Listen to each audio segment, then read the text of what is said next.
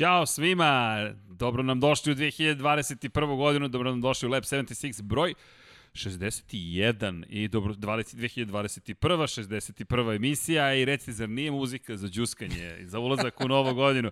Pa jo, nisam te video hiljadu godina. Da, tako je. Ne, jednu godinu. Jednu godinu. Jednu godinu, ali čuli smo se. Čuli smo se i čestitali smo se. Jesmo. Ti sve najbolje. godinu. Ja tebi. Da nam svima bude lepa godina. Budemo zdravi, veseli. Tako je.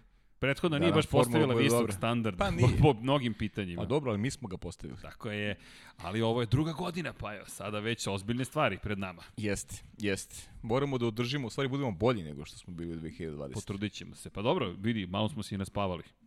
Za promenu. Ne, da, za promenu. Ali Jeste. stigla je 2021. Stigla je nova sezona Formule 1. Zvanično počinje 21. marta ili da li počinje zaista 21. marta. Kako god pogledate, mi krećemo 5. januar za Formulu 1. Sutradan je Moto Grand Prix na redu, 62. emisija. Deki Potkonjak je u studiju. Sutra nećemo biti u direktnim prenosima, imamo neke obaveze, snimit ćemo ujutru emisiju, ali večeras smo live i večeras ćemo malo drugačije da se organizujemo u skladu sa novom godinom. Prvo ćemo da prođemo sve što nam je i negde obaveza, uslovno rečeno, pre svega zadovoljstvo, najnoviji vesti, šta se zbiva u svetu Formula 1. Na kraju ćemo malo da se bavimo pitanjima i odgovorima. Koliko smo shvatili, vi onako komunicirate među sobom dok traje emisija, tako da veliki pozdrav svima koji su trenutno uživo sa nama. Ali da mi krenemo pa je od 2021. kažemo sve da bude bolje od 2020. godine. Međutim, Da krenemo od kalendara i već ovo međutim bojim se da, da, da sluti. Kada pogledamo kalendar koji je saopštila Formula 1, 23 trke su planirane za ovu sezonu. Prva bi trebalo ili je trebalo da bude velika nagrada u Australiji. Pa evo, poslednje vesti kažu da je pod ogromnim znakom pitanja trka u Melbourneu. Pa sećam smo pričali i kad i pred kraj one sezone prošle da da je to pitanje da li kalendar održi uopšte. To ne možemo, niko ne može da zna u ovom trenutku šta se dešava, da li, da li uopšte moguće ispratimo sve kako kalendar nalaže, E, u zavisnosti od situacije iz, u drž, iz države u državu, vjerojatno će tako i diktirati uslove ne samo Formula 1, već i ostali takmičenja, pa ostaje nas nadam da će biti u redu. Trebalo bi da ova godina bude, bude pozitivnija, da se lakše organizujemo čak i u ovakva teška vremena nego što je to bio slučaj sa 2020. kada smo neko svi doživjeli šok i prosto niko nije znao kako da se ponaša u, u datom trenutku. A e, Australija, postoje neke najave da će trka biti prolongirana za neki drugi deo sezone, da. da će možda Bahrein otvoriti e, kalendarsku 2021. godinu Pa i najnovije- dalje, ajde, kaži. Najnove vesti, šta je, šta, je, šta je problem sa Australijom? Ono što smo videli u Abu Dhabiju je neki koncept koji je takozvana biosfera, je bila formirana u Abu Dhabiju. Ideja je bila da se svi timovi dovedu, svi predstavnici ekipa, vozači i sakriju praktično od ostatka sveta. Da budu u svom balonu, tom takozvanom bablu koji se koristi kao termin u, većini sportova u Sjedinim, u Sjedinim američkim državama, to su i postigli. U Abu Dhabi se stizalo čarter letovima, prevoženi su specijalnim transportima do hotela i samo od hotela do staze su mogli da putuju svi predstavnici timova. Tako smo imali situaciju da smo ostali i na podsezonskim testiranjima.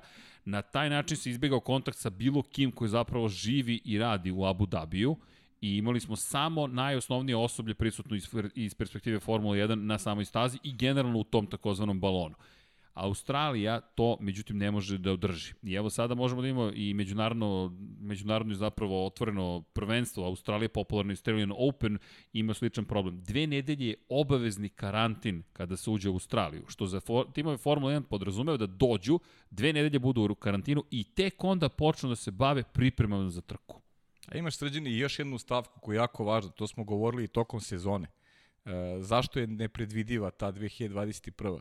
Ti kad imaš dve godine za redom da nemaš izvore prihoda od onoga što organizuješ, to je nešto što ozbiljno opterećuje budžet i, i mnoge zemlje neće pristati to da urade. Bez obzira što niko ne želi da izgubi mesto u kalendaru Fo- Formule 1. Ali se plašim da ukoliko potraje ovakva situacija, da ćemo opet dobiti promene u, u kalendaru. Jer e, ako nemaš zaradu, nemaš dobit, koja je svrha da ti ugostiš karavan Formula 1 kada nema publike, kada nema nikakvog sadržaja, kada imaš samo trošak, a, a zarade, zarade nigde. Znaš, to je, to je ozbiljan, ozbiljan problem i, Jeste. i bojim se da bi to moglo da diktira uslove e, cele sezone. Mi se nadamo da to neće biti slučaj. Da ćemo imati sezonu koja će u svakom smislu biti bolje. Ne samo u tom nekom takmičarskom, već i ovom organizacijonom koji je jako važan jer pričali smo u prošlom podcastu, sport nekako gubi, gubi smisao kada nema publike. I to je nešto čemu svi teže, da, da, da, da se neko stanje normalizuje i da gleda... Znaš šta je sreće? Što imamo Čak još tri meseca malo manje. Malo manje, Imamo da, ali skoro tri, tri dva i po meseca pa, sigurno. Dva, dva i po, po najmanje, da se, da se onako stvari možda možda popravi 21. Da, mart, to je datum. I ako bacimo, hvala Vanja, naravno Vanja, kao i uvek, on... Da, brži, brži od naših misli. Brži da. od misli. Australija, od 19. do 21. traje Marta ceo vikend trkački, Australija je prva runda i idemo u Melbourne, trebalo bi da idemo u Melbourne. 28. marta je zakazana trka za veliku nagradu Bahreina, staza koju već veoma dobro poznajemo, zatim Kina, to je idemo u Šangaj 11. aprila, 25. aprila još ne znamo gde ćemo biti, s obzirom na činjenicu da je Vjetnam zapravo ispao da. iz cijele priče. Nagađamo i dalje. Nagađamo, tako je 9. maja trebalo bi da postavimo Barcelonu, veliku nagradu Španije da organizujemo, zatim Monako, koju ga nije bilo prošle godine, 23. maja, 6. juna Azerbejdžan i grad Baku, zatim u Montrealu u Kanadi da se ide 13. juna, dve nedelje kasnije Francuska Castele, Le Castele i Paul Ricard staza, zatim Austrija 4. jula, 18. jula Silverstone, sada pričamo već o stazama koje smo posetili prošle godine, Austrija, Silverstone, zatim Hungaroring 1. avgusta, 29. avgusta, posle četiri nedelje pauze, bi trebalo da idemo u Belgiju. Odmah posle toga Zandvort, velika nagrada Holandije. Odmah posle toga velika nagrada Italije, Monca, pa zatim kratka pauza, velika nagrada Rusije u Sočiju, velika nagrada Singapura, očito u Singapuru, i 10. oktobra velika nagrada Japana u Suzuki, 24. oktobra Sjedinjene američke države su domaćini u Ostinu, Meksiko 7 dana kasnije, Mexico City, Brazil 14. novembra, velika nagrada Brazila, Sao Paulo, Saudijska Arabija, Jeddah, 28. novembra i 5. decembra bismo zatvorili godinu velikom nagradom Abu Dhabija. Ono što je tu ogromno pitanje jeste trke sve koje se ne organizuju u Evropi. I već Jeste. ovo je prvi test ili Evropa je bliski istok eventualno. To je ono što smo videli prošle godine. Australija je jedno od dužih putovanja. Odmah posle toga treba da se vratimo na bliski istok. Videli smo da to iz perspektive Moto Grand Prix, ali opet i stanja na bliskom istoku da je Katar počeo da polako opušta pravila koja važe u ovoj COVID-19 situaciji i možda to daje neki signal da će lakše biti doći iz Australije u u Bahrein, međutim i to je opet veliko pitanje, šta ukoliko Australiju stigneš, pa, kako ćeš u Bahrein? Pa pričali smo o tome i pre, i pre emisije. E, postoji sada šansa i da pre sezonska testiranja budu u Bahreinu, ukoliko Jeste. ne bude Australije, jeftinije opcije nego u Katalunji. Tako da i o tome se vodi računa, tako da Bahrein će možda, možda ugostiti i ranije vozače kako bi i timove kako bi odradili ta predsezonska redovna testiranja i a, da sa velikom nagradom Bahreina se otvori sezona. Ali to je sve, to je sve sada za sada rekla kazala i mi pratimo tu situaciju, pratit ćemo je E, Bogu hvala, tu smo svake nedelje ti i ja. Družit ćemo sa, se. Sa novim informacijama iz nedelje u nedelju. Naravno i verujem da će ove godine da nećemo doživeti onu subinu iz 2020. kada smo u studiju čekali trku, a ona otkazana dva sata pre početka. Da, to ostaje nekako uspomene i za tebe i za mene. Jean Todd, predsednik Međunarodne automobilske federacije, je rekao da očekuje normalnu sezonu Formula 1 u 2021. Mislim da je to, i to je juče izjavio, kako je preneo Filip Clearen iz motorsport.com, rekao je da je rekao je zapravo sledeće. Upozorio da neće biti baš normalna sezona, ali da očekuje e, nešto između onoga što smo videli 2020. godine i onoga što smo imali do tada. Tako da neće biti normalna sezona iz perspektive onoga što smo videli do 2019. već u skladu sa onim što smo videli prethodne sezone. Pa znaš kako, svi sada gledamo generalno na, na, na, na život, da nam neće biti tako da kažem, konzervativan kao što je bio 2020. Znaš, svi očekujemo neka poboljšanja, neka otvaranja, da ćemo moći i da, da malo i da putujemo, da živimo uh, onako kako smo navikli. Uh, u, u tom smislu verujem da provojavaju te optimistične izjave, a, a kakva će stvarnost biti, čini mi se da niko trenutno ne može da predvidi. I gledali smo, pratimo stanje, videli smo kalendar, to je ono što je optimalno rešenje, a verujem, verujem da već razmišljaju i, u, i o alternativnim, da to prosto e, ozbiljne organizacije moraju da vode računa o tome, jer zaista je ovaj virus potpuno nepredvidiv i kažem, ne znam, ne znam šta, šta će nam doneti ova godina. Uz priču o virusu, videli smo da se pojavila ta nova varijanta virusa Tako koja je. se još lakše prenosi. Pa evo, prenosi. Britanija, Britanija koja je zatvorena, je zatvorena potpuno. To je, znači, takvo, tako oštre mere nisu bile ni, ni, ni u martu 2020. Da, ovo su najoštrije, a većina da. timova je iz, zapravo stacionirana u Velikoj, u Velikoj Britaniji. Britaniji. Tako je. Što Evo kad pogledamo, ka, ka prenesemo na, recimo na futbol koji eto, se prati na sport klubu, postoji čak ideja da se prekine Premier Liga trenutno, da se, da se obustave takmičenja. Znam da su i neki, e, ono, znamo i ljude koji žive u Britaniji, prosto, prosto je nemoguće da se, da dođu ovde generalno sada. Mislim, to je, e, takvo je stanje stvari, mere nikad oštrije, tako da mi možemo da budemo optimisti, ali realna slika, realna slika ne obećava da, da nas čeka e, sezona koja će biti onako u fullu kada pričamo i o publici i o nekim događajima koji treba sve to da isprate na pravi način. Da, Todd je rekao, rekao je ono što, zanimljivo je neke stvari rekao. Rekao je najpre da svi vidimo na, napredak kada je reč o vakcini, ili se nadamo makar da postoji napredak. Nadamo se da postoji neka vrsta rešenja, neka vrsta svetlosti na kraju tunela. S druge strane, uz zatvaranje Velike Britanije, da ponovimo, u Velikoj Britaniji skoro su svi timovi. Pa, Mi imamo više. u Švajcarskoj jednu ekipu, Alfa Romeo, to jest Zauber, imamo u Italiji dve ekipe, Ferrari Ferrari i, i Alfa Tauri. I Haas. Dobro, ma da, I Haas se seli u Maranello, tako je to, tako, da praktično tri ekipe tri će ekipe, imati da. sedišta, ali čak i Haas je zapravo imao... Šalim se, naravno, da. Je, je funkcionisao na, na, na, na relaciji Charlotte-Evropa. Pa, mislim, tako funkcionišu i sada, ovo je samo što je otvoreno, eto, odelenje, imaju neku u ekspozituru kao imaju u Maranelu, ali u suštini oni su u Charlotteu, naravno. Da, Charlotte je sedište, međutim tehnički tim biće, kao što si rekao, vrlo blizu Ferrarija. No, tri, ajde da kažemo dve ekipe, tri praktično u Italiji, sve ostale ekipe uz, eto, i Alfa Romeo koji se nalazi u Švajcarskoj su u Velikoj Britaniji. Dakle, mi govorimo o šampionima Mercedesu, mi govorimo o Red Bullu, mi govorimo o McLarenu, mi govorimo o Williamsu, Ma, mi govorimo o Aston Martinu, ne, neodrživo, neodrživo takmičenje automatski. Auto, Ukoliko ne mogu, neodrživo dakle, takmičenje. I mi sada pričamo o Australiji koja je za dva i po meseca, pa se negde nadamo da će sve biti okej. Okay. Međutim, Australiji rekli smo, moraju da dođu najmanje četiri nedelje ranije. Čekaj, ali šta ako ne mogu dođu, ako ne mogu dođu i u Bahrein? Ali, ne, budu doz, ne, ne dobiju dozvolu uopšte iz izlazak iz Velike Britanije. Ko zna šta će biti za, za, za dva i po meseca? Ono što je dodatni Dobro je što imamo vreme, dobro je što Tako imamo je. vreme i, i zaista je mnogo kad pogledaš dva i po meseca, ali opet s druge strane, uh, situacija je takva da, kažem, teško je prognozirati i ne želimo time da se bavim jer prosto, prosto ni ti ni ja se ne razumemo u to. Možemo samo da onako laički tumačimo i da, i da nagađamo šta bi moglo da se dogodi u martu 2021. Da, ono što je problem i kada već spominjemo celu tu priču, imamo Bahrein koji bi trebalo da preuzme ulogu probne staze. Tako Barcelona je. je do sada bila probna staza i uvek smo odlazili praktično u Španiju na početku godine.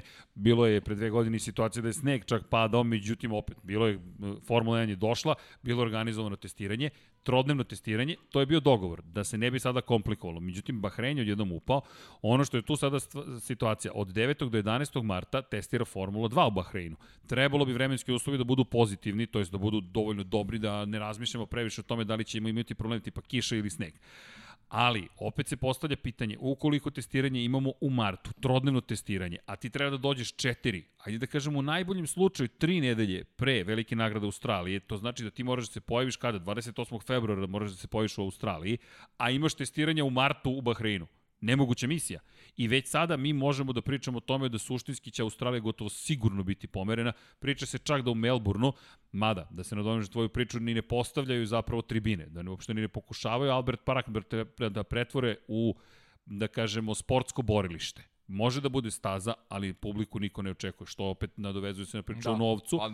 što je možda izlaz organizatorima da kažu, ej ljudi, ok, prihvatamo da je COVID-19 situacija, ali zapravo izbegamo. E sad još jedna napomena, a to je da je kraj leta zapravo u Australiji, mi govorimo o suprotnim godišnjim dobima, južna polulopta je u pitanju, kada jedini sledeća situacija kada bi Australija mogla da se nađe na kalendaru je jesen iz naše to perspektive. To ti kažem i to je veliko pitanje uopšte šta će biti sa Australijom ukoliko se prolongira ta trka koja je planirana za mart mesec. Da li ćemo uopšte imati Australiju, što opet implicira neka možda druga rešenja koja Verujem da imaju rešenja, alternativna rešenja i Vanja, možeš da, da daš kalendar, molim tome, te, da. još jednom. I, ovo, je, ovo je bitan moment. Pogledaj sada kada mi ulazimo, da kažemo, u završnicu leta iz naše perspektive. To je početak septembra, oktobar, novembar.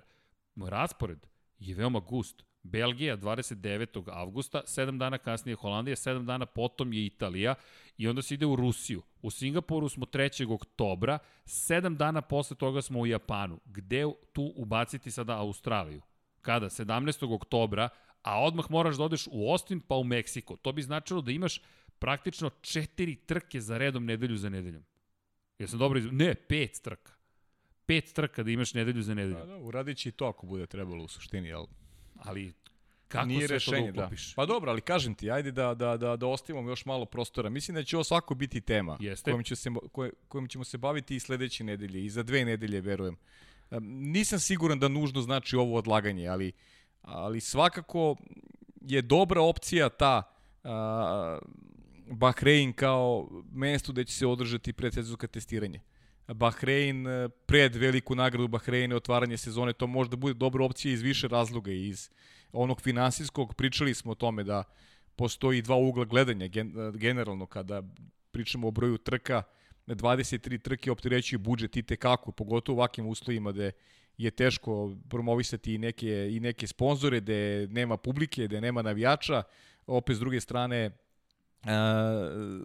problem više naravno za, za ove manje timove koji imaju nerešena finansijske finansijska stanja, finansijske situacije, tako da mislim da, da, da, da, da imamo dva vrsta gledanja, ali nisam siguran uh, i dalje uh, kojoj teoriji sam bliži kada, kada, pričamo, kada pričamo o Australiji. Mislim da je potrebno malo više vremena da, da, da se tom temom uh, bavimo. Rekao bih da vrata i dalje nisu zatvorena kada je u pitanju Australija. Ne bih onako eksplicitno rekao da od Australije nema ništa, ali da ovo alternativno rešenje sa Bahreinom i kada pričamo o testiranjima i kao prvoj trci i ima, ima smisla. Pavle, dve stvari. Prvo, to bi značilo koliko bismo otvorili sezonu u Bahreinu, da bi poslednje četiri trke zapravo, od poslednje četiri, tri bile vožene na istoj stazi u Bahreinu. Nije A- ista konfiguracija. A šta ali misliš, zbog čega se još ne zna ko je, gde će se održati ta četvrta trka? Moram ti priznati da ne znam. Pa evo upravo mislim da je, da je ovo razlog e, o, kome govorimo. Situacija generalna u svetu. Znaš, koliko god da, da, da želiš uh, trku Formule 1, opet s druge strane ne želiš ni budžet da opterećuješ time uh, što ćeš biti e, protagonista nečega što niti ima publiku, niti uh, ima ima Vraćaš se podršku sa zapravo te. na Australiju, Vraćam se, sad pa da, vraća se na vraćam se na novac. Što je što je su- suština cele priče, jer ti treba da organizuješ nešto to košta. A nemaš priliku da da da vratiš deo onoga što si uložio. Samo opterećuješ budžet. Šta ti znači da imaš veliku nagradu Turske ukoliko ok, jedne godine može. Šta ćemo druge godine ako opet nema publike? Planirali su 100.000, e, Turska je ušla u priču 2020, ali planirala 100.000 ljudi na, na tribinama. Pa je COVID situacija dovela od toga da su morali da, da, da onako ponište tu odluku i da se vozi bez prisustva publike. Mada, Ne treba im, čini mi se, u 2021. i još jedna takva akcija. Moj pogled je više bio, moram ti priznati, takmičarski iz perspektive toga da imaš trku u Bahreinu, pa opet u Bahreinu, pa Abu Dhabi, pa opet Bahrein. I da pogledaš, završili smo sezonu u Bahreinu, to je Bahrein i Sahir, i sada Abu Dhabi jedna trka i odmah Bahrein ponovo, kao da se vrtimo u krug. E sad, s jedne strane, je zabavno, s druge strane me zastrašuje ta ideja da ćemo imati tri trke na istom mestu u četiri, različ, u, četiri trke, na istom mestu smo tri puta. I lepo si rekao, vraćamo se opet na novac, gde Bahrein mislim da ima neke druge interese, prosto da Bahrein odgovara iz perspektive marketinga pre svega. Tako, ja mislim da oni nemaju problem uopšte sa tim i da će se održati u Bahreinu trka sigurno. Zanimljivo je, mi posmatramo takođe i Formulu E. Posmatramo je ne samo iz perspektive toga što je jedan, jedno vrlo ozbiljno takmičenje, električni pandan Formula 1, već iz perspektive toga kako se Formula E snalazi. Jean Todt je rekao da očekuje da će promene kalendara biti brojne i ne samo u Formuli 1. Formula E je to već doživela. Najnovije odlaganje je zapravo E-Pri, takozvani Santiago, koje je trebalo da bude održan u parku O'Higgins, u, no to je opet ulična staza, od zapravo u Santiago, u Santiago de Chile. Saudijska Arabija s druge strane potvrdila da će i prva i druga runda 26. to je 27. februara 2021. biti održana. Kako sada stvari stoje, Dirađa bi trebalo da bude domaćin i jednoj i drugoj trci. Govorimo o zapravo Rijadu, u suštini govorimo o okolini Rijada, ali je to negde potvrda možda onoga što ćemo videti. Ove godine ćemo imati takođe Saudijsku Arabiju na kalendaru Formule 1, na kraju godine idemo u Saudijsku Arabiju, ali prosto posmatramo kako druga takmičenja funkcionišu. Rim je takođe još uvek na kalendaru kada je reč o e-prijevima, električnim velikim nagradama, 10. aprila, Pariz 24. Dalje od toga ne bih išao, iako su i Seul, i Monako, i Berlin, York na, na tom spisku, za sada posmatramo ovo što je negde najbliže kažu da će biti te trke. Pa eto, čisto da, da damo neki zra, zra, zračak nade svima nama. Pa, mislim, znaš kako mi jesmo, kažem ti, kao po defaultu čovjek je optimističan i gleda pozitivno, ali eto, imamo prosto negde obavezu Surovo da gledamo, istinu. tako je da sagledamo stvari iz, iz svih mogućih uglova. Pa, e, izvini. Ja stvarno očekujem da će ova godina biti mnogo bolja u svakom pogledu, i takmičarskom, a i iz ove druge prizme da ćemo u jednom momentu imati priliku da gledamo trke uz prisustu publike i da će to biti neminovnost jednostavno i upotreba i vakcina i to se već i dešava negde u svetu, tako da verujem da, da, da će to da bude mnogo bolja slika, ali mart mesec je s neke strane i, i, i daleko je, a opet s druge strane i blizu je kada pričamo o pripremi, jer ne treba se organizovati do tada kada je u pitanju jedna trka, kada je u pitanju prevoz učesnika, tačnije timova i, i zbog toga može bude problematičan start, e, start sezone. U svakom slučaju počela je godina iz naše perspektive, mi se da. uveliko pripremamo i eto, pratimo situaciju, Australija jeste najdramatičnija vest, ima ih još, COVID-19, međutim, ne jenjava. Lando Norris je saopštio, izašlo izvanično saopštenje na Twitteru, njihovom i ne samo na Twitteru, na drugim mestima javnog informisanja, da je Lando Norris vozač McLaren, ekipe McLaren Mercedesa od ove godine pozitivan na COVID-19. Rekao je da ostao bez čula mirisa i bez čula ukusa. Da i da, e, hvala Vanja, evo ga. I hvala Vanja, da, Vanja. Vanja. Twitter ili Instagram, ne, ne, ne, ne volio Twitter, ali Instagram, to je Insta generacija. Pa dobro, znaš. ali ti si sad Instagramer, čekaj. Šta ti kažeš? modern si. Da. Totalno si modern. modern. sam, modern sam, da. Da. Da. da i, Uveli me u taj svet. Neka, to, je, to je, ej, živimo u savremenom dobu i, i idemo u, u skladu s vremenima.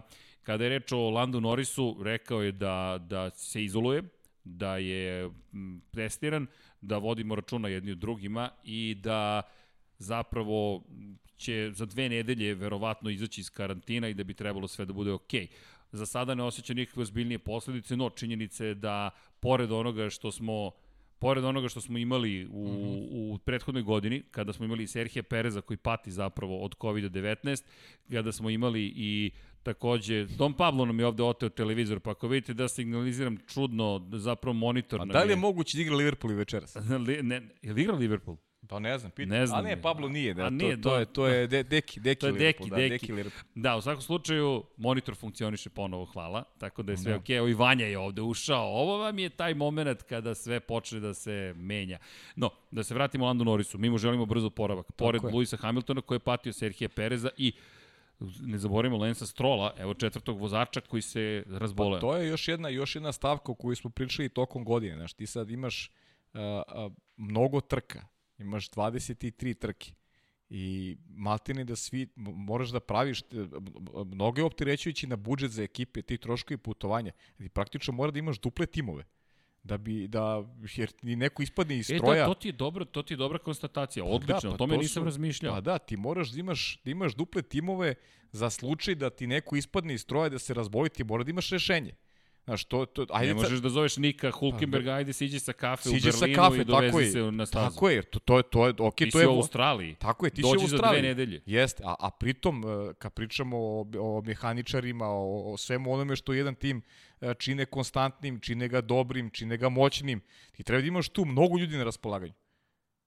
I to je nešto što opterećuje budžet i zbog toga je, je onako jedna ozbiljna stavka kada pričamo o, o organizaciji svega onoga što se što se dešava u, u narodnoj godini. Ja, a, pričali, smo, pričali smo o Istanbulu, koji je treba da bude četvrta trka u kalendaru. A, neke informacije koje imamo a, govore u prilog tome da oni nisu spremni da organizuju a, trku ukoliko ne bude bilo publike. Ono što smo rekli iz početka Jest. podcasta, zašto bi to radili dve godine za redom? Ok, lepo je vrati se u kalendar Formula 1, ali ako nemaš 100.000 ljudi na tribinama, čemu onda velika nagrada Turske? Čemu? Samo trošak. Pa vratio si se u kalendar, ali kada će ti se to isplatiti? Ostaje kao veliko pitanje. Veliko pitanje. Jer ne znam, živimo, Osim živimo, ako- živimo u neizvesnosti. Da živimo u nekim Potpuno o nekim... čudnim vremenima. A u najbliže rečeno čudnim. čudnim, trudimo se da budu normalno, ali činjenica A da. da. se još uvek nisu, nije sve normalizovano. No, mi guramo naše i odgovorno stojimo pri tome da će se desiti 2021. na jedan pozitivan način. Da se vratimo na Landa Norrisa. Landa Norris, držimo mu palčeve, želimo mu da se oporavi, nadamo se da će sve biti okej.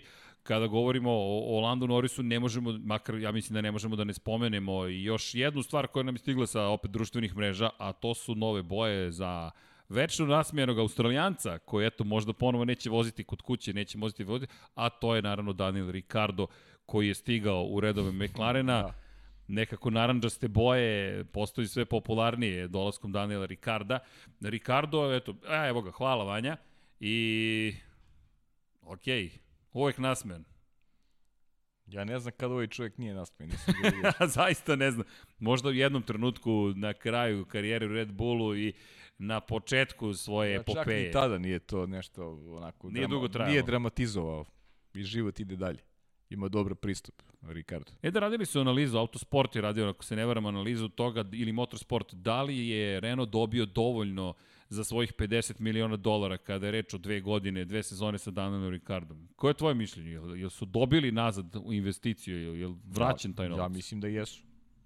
Ja mislim da jesu. Ja mislim da su oni izgubili ovaj, odlaskom Daniela Ricarda. To je moj stav. Rekao sam ga da, da ne ponavljam sada. Da ne bude da se ponavljamo kroz podcaste. Ne, ne, ali samo Zaista mislim da pitanje je... je bilo bukvalno da. li za taj novac jeste dobijeno dovoljno.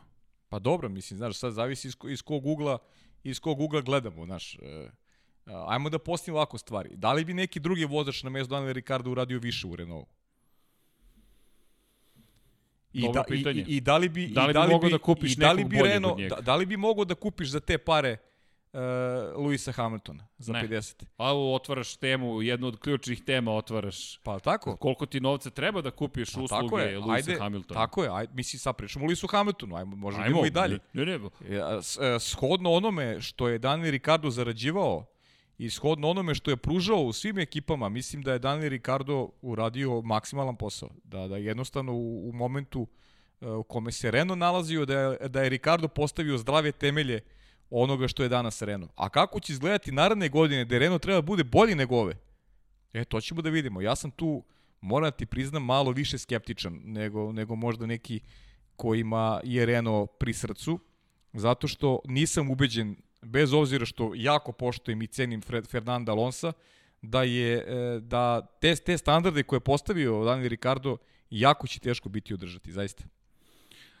Pogotovo nekom ko je povratnik, ko je ušao, ulazi u petu deceniju života, koliko da je veliki šampion, kada se vraćaš, setimo se kako izgledao taj povratak Mihala Šumahera u ekipi, u ekipi Mercedes. Jeste Mercedes bio nekom početku, ali e, ajmo da poredimo rezultate njegove i rezultate Nika Rosberga u to vreme. Da, to je... Trebalo mu je malo više da uhvati, da uhvati pravi ritam. To je ozbiljna analiza. Više sam ovako pitali, kada si tako otvorio temu, morali bismo da uradimo tu vrstu, analize. I odlično je pitanje, kada na, trž, da na tržištu postojao bolji vozač koga si mogao da kupiš za te pare u tom trenutku. Tako je. I da dobiješ sve što a, a, a da dobiješ pritom rezultat. Smanjili su značajnu razliku u odnosu na vodeće timove. Došli Jesu. su tri puta na pobedničko postolje, dva puta zahvaljujući Ricardu, jednom zahvaljujući Estebanu Okonu i pored svega toga tim je postao vrlo konkurentan i iz, i iz perspektive morala, mogu reći, jedan potpuno novi tim. To je ono što je stalno Serial Sigurno. Bitoblu ponavljao. I još jedna stvar, drugi timovi ti drugačije posmatraju sada. Mnogo više poštovanja i straho poštovanja postoji prema Renaultu. To smo videli i, sa, i zahvaljujući rezultatima samog McLarena koji je koristio dve godine za redom Renaultove pogonske jedinice. Renault uradio ozbiljan posao. Čisto mi je palo na pamet da su radili analizu, pa eto, zanimalo me tvoje mišljenje. Da, pa Hvala. do, da, pričamo, eto. Da. Zanimljivo, ali si otvorio ključ jednu od važnijih tema. Lewis Hamilton, pa jo, on je zvanično nezaposlen čovek. On, Jeste, e, njemu bravo. istekao ugovor. Da. Da. Njemu istekao ugovor već peti dan da Lewis Hamilton zapravo nije zvanični vozač ekipe Mercedesa. Sedmostruki svetski šampion. On je slo, najuspešniji slobodni, svih vremena. slobodni strelac. Mo- Slobodni Mogu strelac. svi da pregovaraju sa Lewisom Hamiltonom trenutno. Da li si očekivao da ćemo doći do ovoga? Pa nisam očekivao, ja i dalje iskreno ti kažem očekujem da će taj ugovor biti potpisan, ne znam, ta, tako, mi, tako mi nešto m, onako, a, a, realno mi zvuči, mada eto, već se provlači, pro... znaš kako, kad, kad, kad se takve stvari dešavaju i kad e, konstantno čekamo na, na nešto da se dogodi, onda idu i kontra priče. Navodno Daimler, Daimler sada razmišlja o Georgeu Russellu, E, to su sad one priče. Shvatili su da mogu i za manje pare da dobiju vozača koji će se boriti za šampionsku titulu e, u dominaciji kako Mercedes ima i tako dalje i tako dalje. Ali, ali ja negde verujem zaista da će se to ozvaničiti. E, možda čak i se svesno neke stvari prolongiraju i, i pravi priča tamo gde je nema. Ja bih rekao da, da je to pitanje, da se pravi priča tamo gde je nema generalno, a da, da, da, da su stvari tu već onako izvesne. Meni makar tako deluje, možda sam u krivu, ne znam. Ali pazi, britanski mediji, konkretno Give Me Sport, Nick Sutherland je skupio dosta informacija. Jedna od informacija i ono što smo mogli da pročitamo na u italijanskom delu motorsporta jeste da, ko, koji su zahtevi zapravo. I priča se o tome da on pregovara pre, cijele prethodne godine da je pregovara. Međutim, koji su ključni momenti za Luisa Hamiltona? Tražio je 10 od 100 novca koji Mercedes osvoji kao nagradu za osvajanje titula u šampionatu konstruktora. Prema ovogodišnjim nagradama, to znači da bi dobio dodatnih 13 miliona funti Lewis Hamilton. Samo on, 13 miliona funti pre poreza, ali opet to je dosta novca, jel te? I ne Just. samo to, tim koji je to organizovao, za nagradu koja se daje timu, mora sada da da 10% svom vozaču. Pored toga, tražio je da dobije između ostalog, jedan od 250 Mercedesa koji su limitirane serije AMG, AMG 1, AMG 1, a, pogledajte, AMG 1 je jedna impresivna stvar u izgradnji i tražio je da mu poklone jedan od tih automobila. Pored toga, tražio je da mu zagarantuju ulogu u prelasku na električna vozila i da ne bude samo zvučna titula u tom cijeloj ekipi, nego da ima operativnu ulogu u tom razvoju i prelazak na električni pogon. Pored toga, 35,5 miliona funti po godini bi trebalo da zarađuje. I sad, nije sad samo, ovo je novac, pa još novca, pa pored novca hoću da me ispoštujete i kroz status, a kroz status hoću još da me pride ispoštujete i time što ćete mi dati posao u, budućnosti i jednu vrlo vrlo važnu vezu unutar same ekipe. Inače čovjek je postao među vremenu je i Vitez postao, dakle čovjek koji da. je sada jedan od najpoštovanijih članova Formule 1 britanskih ikada to jest Commonwealtha, pošto su i u, u, u kraljičinom carstvu, jel te, to jest u imperiji britanskoj i države iz Commonwealtha, između ostalog i Jack Brabham iz Australije, to smo prošli put pričali, ali Lewis Hamilton, pa jo, šta sve traži, to, je, to je vrlo ozbiljno. I ne kažem da kao sedmostroki svetski šampion, čovjek ima 95 pobjeda, nema dobru pregovaračku poziciju. Pa, to ste ti kažem. Da li je ovo mnogo, da li je malo, ne znam. Pa ne znam, znaš, neko tu, to je, to je ono, tvrdi se pazar, znaš, ti, ti postaviš neku gornju granicu, pa, pa onda čekaš reakciju, znaš, i neko su vezivno tkivo, Mercedes i Hamilton, znaš. Hamilton izabrao Mercedes kada mnogi drugi ne bi, ima To je sad onaj deo priče uh, gde, gde ja volim da potenciram na, na, na, na izboru, jer izbor je jako važan u životu, a Lewis Hamilton je pravio dobar izbor. Mnogi ne bi tada pristali njegovo mesto da pređu iz McLarena u Mercedes, on je pristao i, i za to je negde, za to je negde i nagrađene. Sad, uh,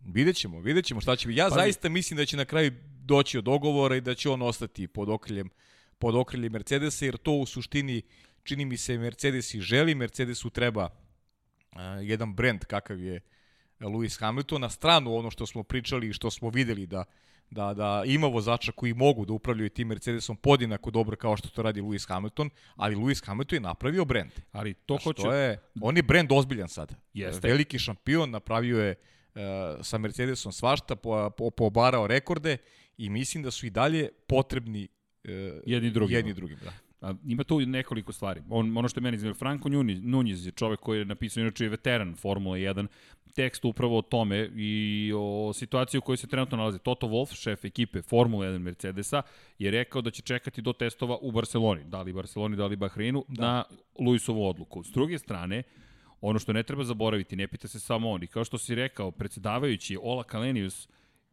švedskog porekla čovek, inače koji vodi trenutno Mercedes iz te perspektive, Daimler zapravo, je rekao Wolfu da hoće da se što pre potpiše ugovor. Sad, tu imate onu čuvenu filozofiju, dobar policajac, loš policajac, Kalenius koji služi kao neko ko vrši pritisak, Toto Wolf koji smiruje strasti i Lewis Hamilton koji ima svoje zahtje. To su klasični pregovori. Kalenius, međutim, je već spomenuo ime Đorđa Rasela. Vraća me na one dve trke koje smo gledali, to jest predposlednju trku sezone, gde je na putu pobede bio George Russell. Tada smo pričali o tome da ovo može biti potencijalni zalog za, za budućnost iz perspektive pregovora, da vidi i Hamilton, e vidi, ima neko ko je dovoljno talentovan, koji može tu da bude. Jer da George Russell nije vozio tu trku, mislim da bi pregovaračka pozicija Daimlera bila mnogo lošija. Pa što se, što se vratio Lewis Hamilton bolestan praktično. U, Praktično bolestan. Nedovoljno spreman sigurno. Tako je. Mi to, to, smo, to, to sve stoji. I, i, I činjenica da Daimler može za, za manje pare dobije vozača koji možda nastavi taj niz Mercedesa. I to je činjenica. E sad, e, idemo na drugu stranu priče, vezano i za taj neki marketički moment da imate u sebe e, šampiona koji ponovo koji možda pomeri još a, granicu da postane onako nedodirljiv za jedan vremenski period, da sve po znakom pod okrilje Mercedesa i tako dalje i tako dalje. Dakle, opet dva ugla gledanja. E, ja razumem ljude iz Daimler, iskreno. Jer George Russell nam je pokazao da, da, da može da pobeđuje sa tim Mercedesom. Jedna dominantna trka. On je pobedio Valterija Bottasa baš kao što ga Lewis Hamilton pobeđivao u kontinuitetu godinama unazad. Na isti način. Na isti način ga je pobedio. I George Russell jeste šampionski kalibar. Ali imam utisak zaista da i dalje e, e, Toto Wolff i, i Lewis Hamilton imaju istu ideju. Da, da zajedno ostanu u tom Mercedesu i da još malo a, pomire te granice koje su, koje su postavili. Tako da verujem da će negde Lewis Hamilton spustiti te zahteve, da oni neće biti tako, da To- kažem, drastični kako, kako si ih predstavio, a jesu drastični iz ugla onoga što je aktualna ekonomska situacija uslovljena e, COVID-19, da će spustiti malo te uslove, da je postavio tu gornju granicu, da se tu sada malo trguje i da će na kraju da će na kraju doći do dogovora. A To je ono što je Nunez i napisao, pod, gotovo je nezapamćeno, to jest jeste nezapamćeno da se desi da osvojite rekordni broj titula, da zabeležite sve rekorde koje ste zabeležili zajedno, da imate šest godina savršene koegzistencije i da odjednom kažete, e sad ne možemo da se dogovorimo. Ima tu i pro i kontra, kao što si rekli, mislim da ono što je Kalenius i istakao, to nije čak ni on, Nunez više ističe, jeste činjenica da, vraćam se na tvoju malo pređašnju priču o novcu, Daimler, kao i svi ostali proizvođači, nisu u dobroj poziciji. Naravno, Prodaja pa automobila nije skočila, naprotiv, Naravno. u padu je. U momentu kada oni rade restrukturiranje, a restrukturiranje, nažalost, obično podrazumeva gubitak poslova za mnoge ljude, ti gledaš kako tvoja superzvezda zahteva povišicu. Teško je to sada preneti dalje. E ljudi, vi morate da ostanete bez posla, e ljudi, vi morate prihvatiti smanjenje plate, e ljudi, vi svi koji radite u Mercedesu, teška su vremena, ali zato Lewis Hamilton traži 10% svih prihoda od Razumeš, to je pozicija i za Daimler iz te perspektive, znam da razumeš, nego čisto... Potpuno ne, pa ne, narodno, svi razumemo. Ali na, na šta ne mogu da razumem? Ja ne mogu da razumem da bi Lewis Hamilton sebe doveo u poziciju da ostane bez mesta u, u, u, u, u takvoj ekipi U kao što je. Mercedes. Sada. A, sada, a, zarad toga da, da, da više zarađuju u tekućoj sezoni. Jer ti si, ti si dostigo jedan nivo koji je, koji je ozbiljan i, i imaš priliku da sa ovakvim Mercedesom da samo povećavaš broj trofeja, da ostaneš nedodirljiv u istoriji ovog sporta. I šta je reper? E, šta te pokreće? Da. Novac. E, p, takav šampion, mislim da bi trebao da razmišlja na drugačiji način. Imaš već Ili, toliko ili novca. oni koji vode njegovu karijeru bi morali da razmišljaju da Ove razmišljaju na drugačiji ovo način. što na, čemu, na pra, pragu, na, na, ono na čega pragu stojiš, ne može novac da ti kupi.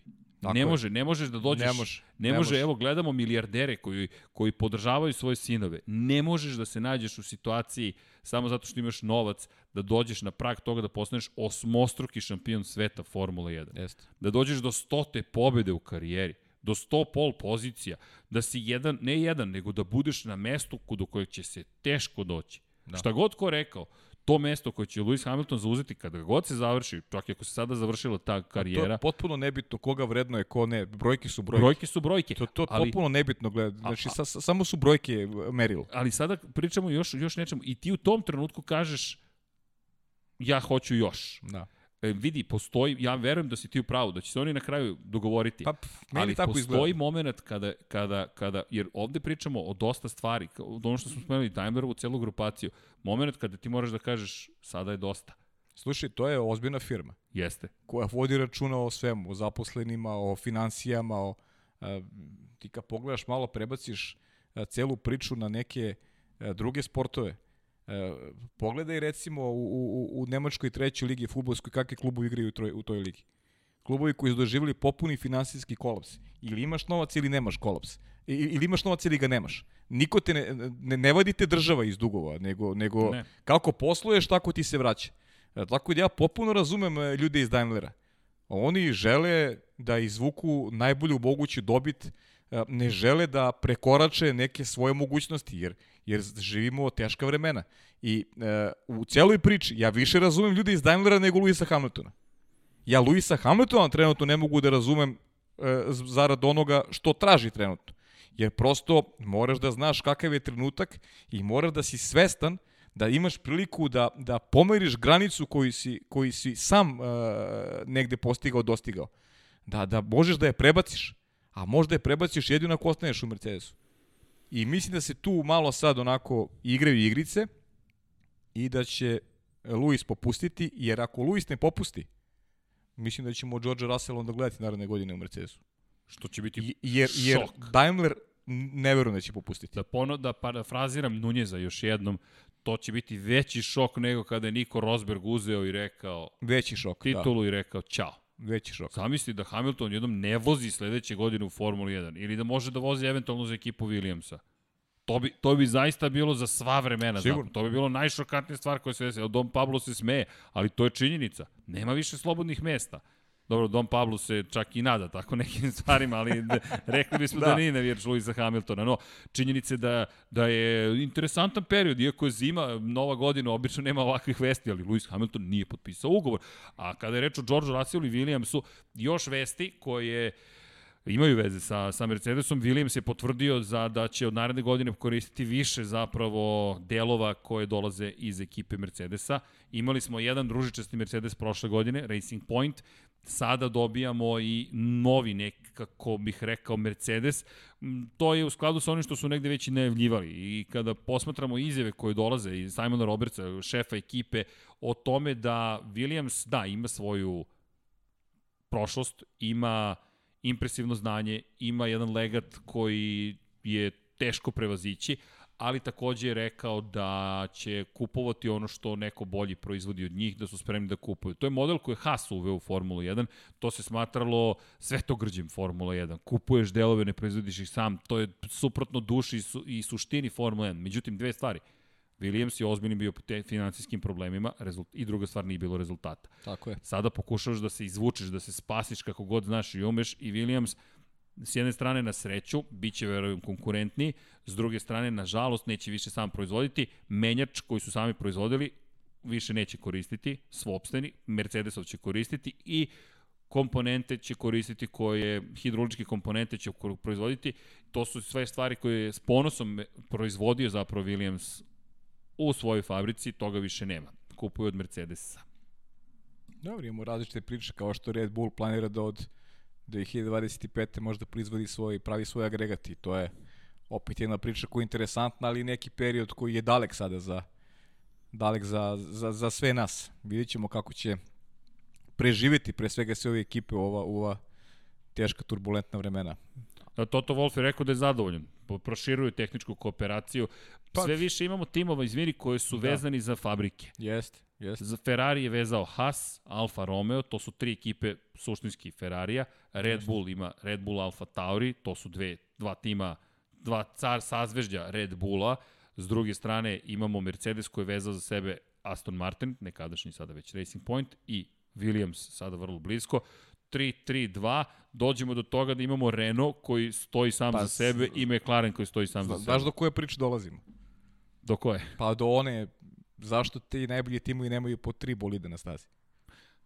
Čuvena ideja koju čak i Bernie Eccleston, čini mi se, spominjao Pa svoje mislim, vremena. znaš, znaš kako to je. Kad već imamo takvu situaciju, ajmo da imamo tri bolida koje su manje više identična, pa Misliš iskrenije bi bilo nego ovako? iskrenije bi bilo. Mnogo iskrenije. Mnogo iskrenije i nekako bi, mislim, bilo i interesantnije. Uh, Jer kad ti si... razmišljamo o svim tim Pa, mislim, fabrikama, znaš, kad si o ti- svemu kad- što se Pa dešavalo. tako je, ali kad si ti paravan ili kad si, kad si ono Sedam neka... moćnih ekipa sa po tri vozača. Tako je. Tako je. Ko bi tu ostao? Mercedes, Pa Mercedes, Ferrari, Ferrari, Renault, Renault, Red Bull, McLaren, koga da dodamo? Toro Rosso, to je Alfa Tauri, trebalo bi da preživi u toj priči. Pa da, mislim, ali opet, da, uz koga da preživi. I Aston Martin na kraju. Ja, Aston Ali Martin, Aston da. Martin. Opet, Aston Martin opet je kao, to koji je opet u vlasništvu Mercedesa. Mercedes. Pa to ti kažem, pa šta i Alfa Tauri, to ti je ono Red Bull, ajmo tri, Jest. tri vozila Red Bulla i to je to. Znaš, Ali nema ih dovoljno, imamo 15 bismo imali bolide na kraju. Nema Da, dovoljno, nemaš nema sedam dovoljno. velikih timova koji bi pa možda bi neki veliki tim bio inspirisan takvom pričom, znaš. da uđe da u Formulu manje, 1. da uđe u Formulu 1, da ima manje onako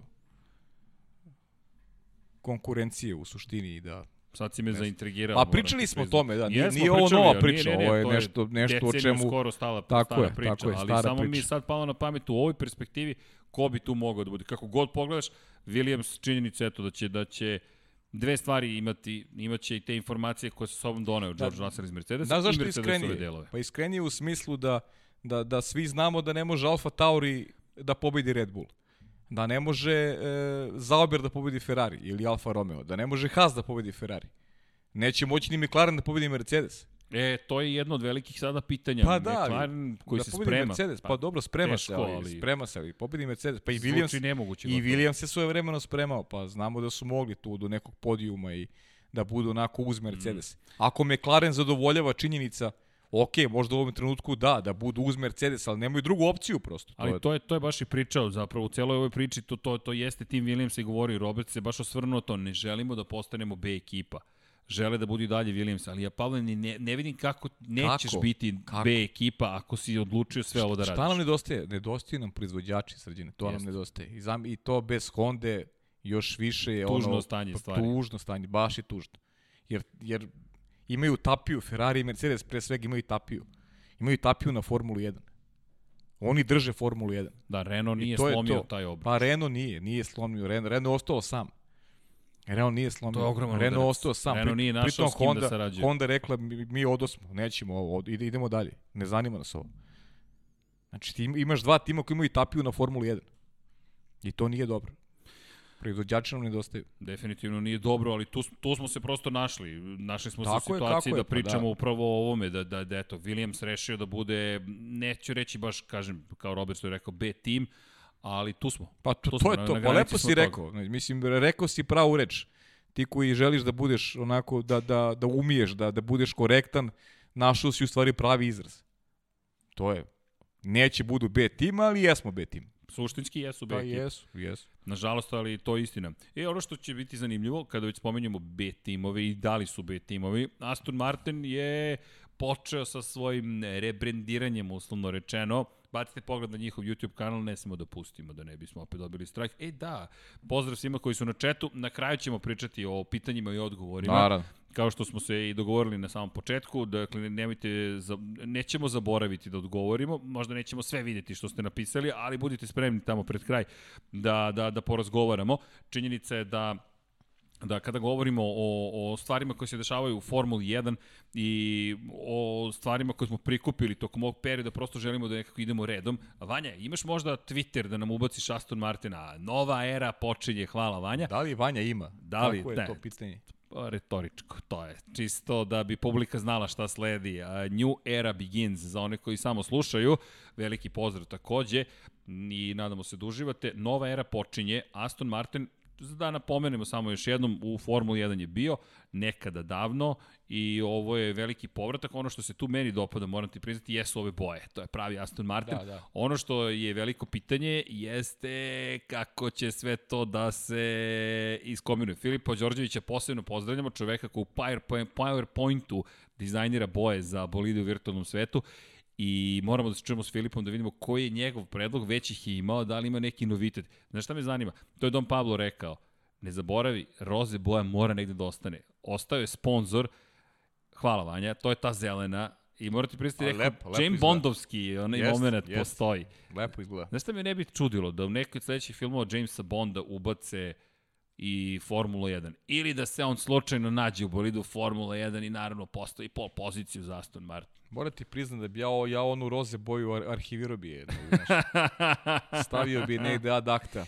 Ja, pa znaš šta moramo da uradimo? Ne slažem se sa Dom Pablom da mora da ostane roze boje. Ne, to je konstatacija na osnovu toga da su sponzori, ali čekaj, imamo The Strange poster ovde. Ali znaš šta moramo da uradimo? Mi sada šta? moramo da nabavimo makete, kačkete i majice tih boja. Jer to ide u istoriju. Razumeš, Racing Point ide u istoriju. Da, da. Ako okay. ništa drugo, zbog koga? Koga nismo spomenuli podcasta, već koliko trajimo? 50 minuta. Serhija. Tako je. Pereza. da li je moguće da nismo da li rekli? Da li je moguće? O, ne, opet će nas banovati. Ako budem dovoljno da dobro pevaš. pevao, ima Nemo YouTube da, da kaže moj. registrovali smo copyright strike. Nemo I da svaki da put nam ukinu monetizaciju. Nemam predstavu zašto, ali eto, ukinu nam. Ako ste hteli da nam pošaljete super stiker... Znaš zašto? Zato što je dobro. Tako je, Pavle. Da je loše, ne bi to radili. Tako je. Nego je dobro YouTube i onda... YouTube i Google su se uplašili. Pa to ti kažeš. Da, vidim da smo već skrenuli. Bili smo dobri za početak i išli smo po nekoj A idemo strukturi. i dalje, idemo i dalje. malo samo smo Tako je. Nema Aston već. Martin, jedno čekam. Krajem da. februara rekli su će predstaviti svoje nove boje, da podsjetimo Sebastian Vettel, Lance Stroll će voziti za tu ekipu, Racing Point više ne postoji moram ti priznati da se slažem sa jednom stvari. Više ne postoji taj naziv. Iako ta, taj naziv ima jednu pobedu u svojoj istoriji. Racing Point, trkaća tačka je nestala negde u istoriji. Aston Martin stiže sjajno. To se slažemo, da. Slažemo se da što je arhivirano ime Racing Point, Jeste. arhivirana roze boja, tako da idemo dalje jedno novo poglavlje sa Sebastianom Vettelom. Jedva čekam da vidim kako će Sebastian Vettel da izgleda. Ja i dalje verujem u, u tog čoveka i dalje mislim da, da je on sposoban za velike stvari, da da ima taj šampionski gen, da je splet okolnosti uticao da neke stvari ne idu kako treba, pre svega uloga Ferrarija je meni tu više bila sporna nego njegova, tako da jedan interesantan period za sve one koji su poštovovaci Sebastina Fetela. Da, i nešto čime ćemo se baviti, ta analiza je neminovna sigurno, prosto. Da. For, period era Formule 1, to jest Ferrarija i Sebastijana Fetela, Jest. bavit ćemo se tom analizom.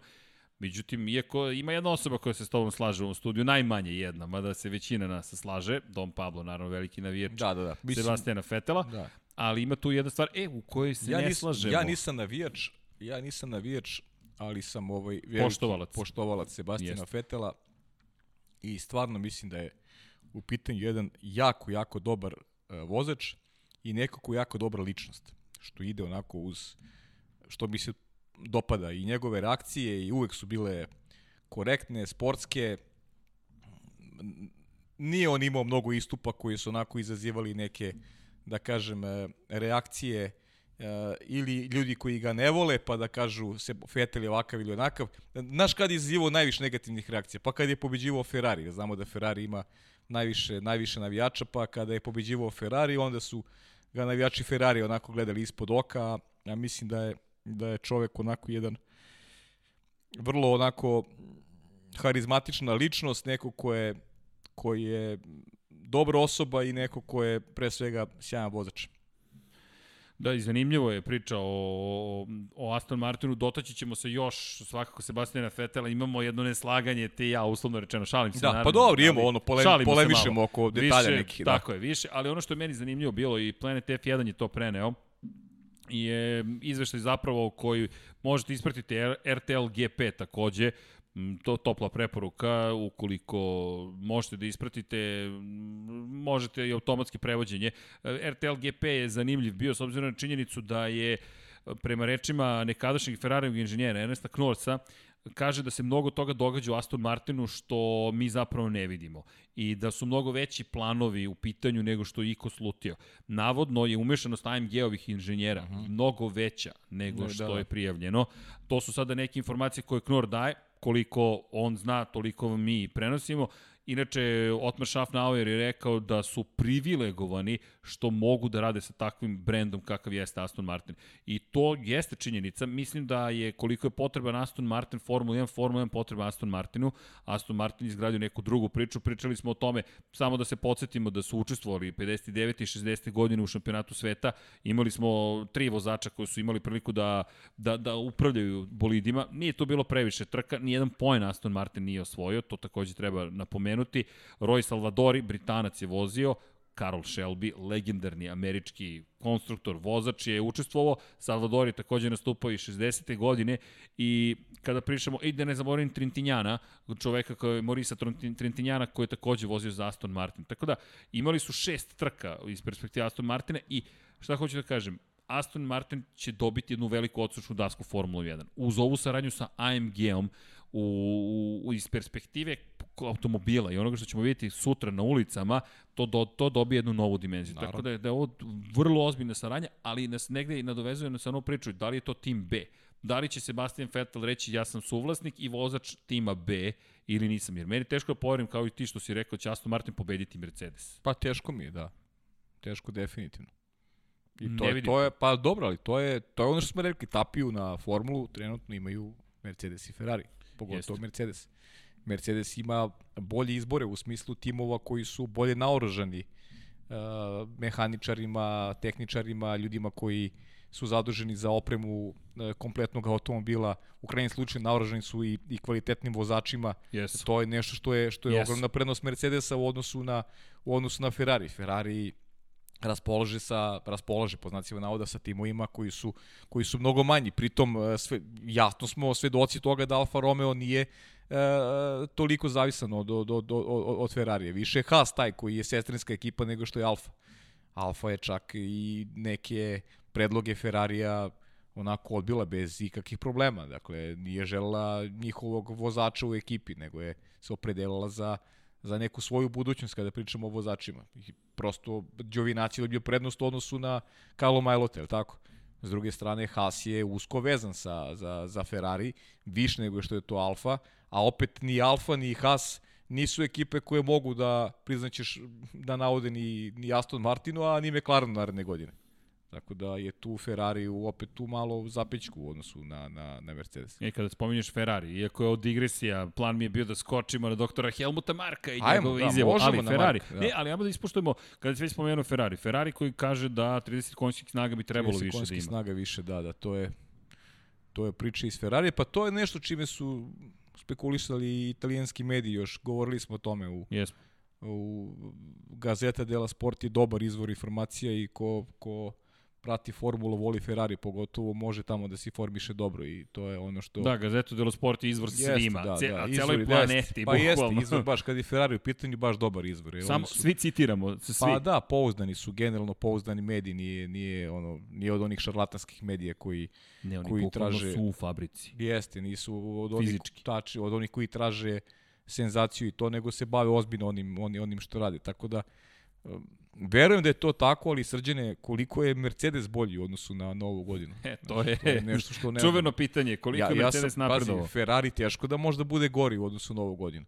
Ali šta to znači u odnosu na ostale ekipe? E, pa to ćemo saznati na presezonskim testiranjima. Možda ćemo ta dobiti prve prve onako naznake koliko je, koliko je Ferrari uspeo da se približi vodećim ekipama. Ja, kako ti zvuči izjava Tota Wolfa kada već spomenjamo Mercedes, kakav će se Mercedes pojaviti, koji je rekao da zapravo još uvek vlada ne, jednostavno skepticizam i pesimizam u ekipi Mercedesa bez obzira na sve što su postigli, da jednostavno ih to progoni konstantni skepticizam, konstantni pesimizam. Meni to neverovatno zvuči za ekipu koja pa ima ja, sedam ja mislim titula. Da, da, je, da je on čovek koji je naučio dobro da barata onako terminologijom i da, da vlada medijima na pravi način, da je neko ko se izvešti u tom smislu, tako da uh, mislim, mislim da, da, da je ta dobra sprega između Luisa Hamiltona i Tota Wolfa da očigledno sarađuju dobro, jer i Lewis Hamilton je često pesimističan čak i tokom trka i da umeju onako da malo zavaraju trag uh, kada, kada govorimo o onome što je snaga Mercedes.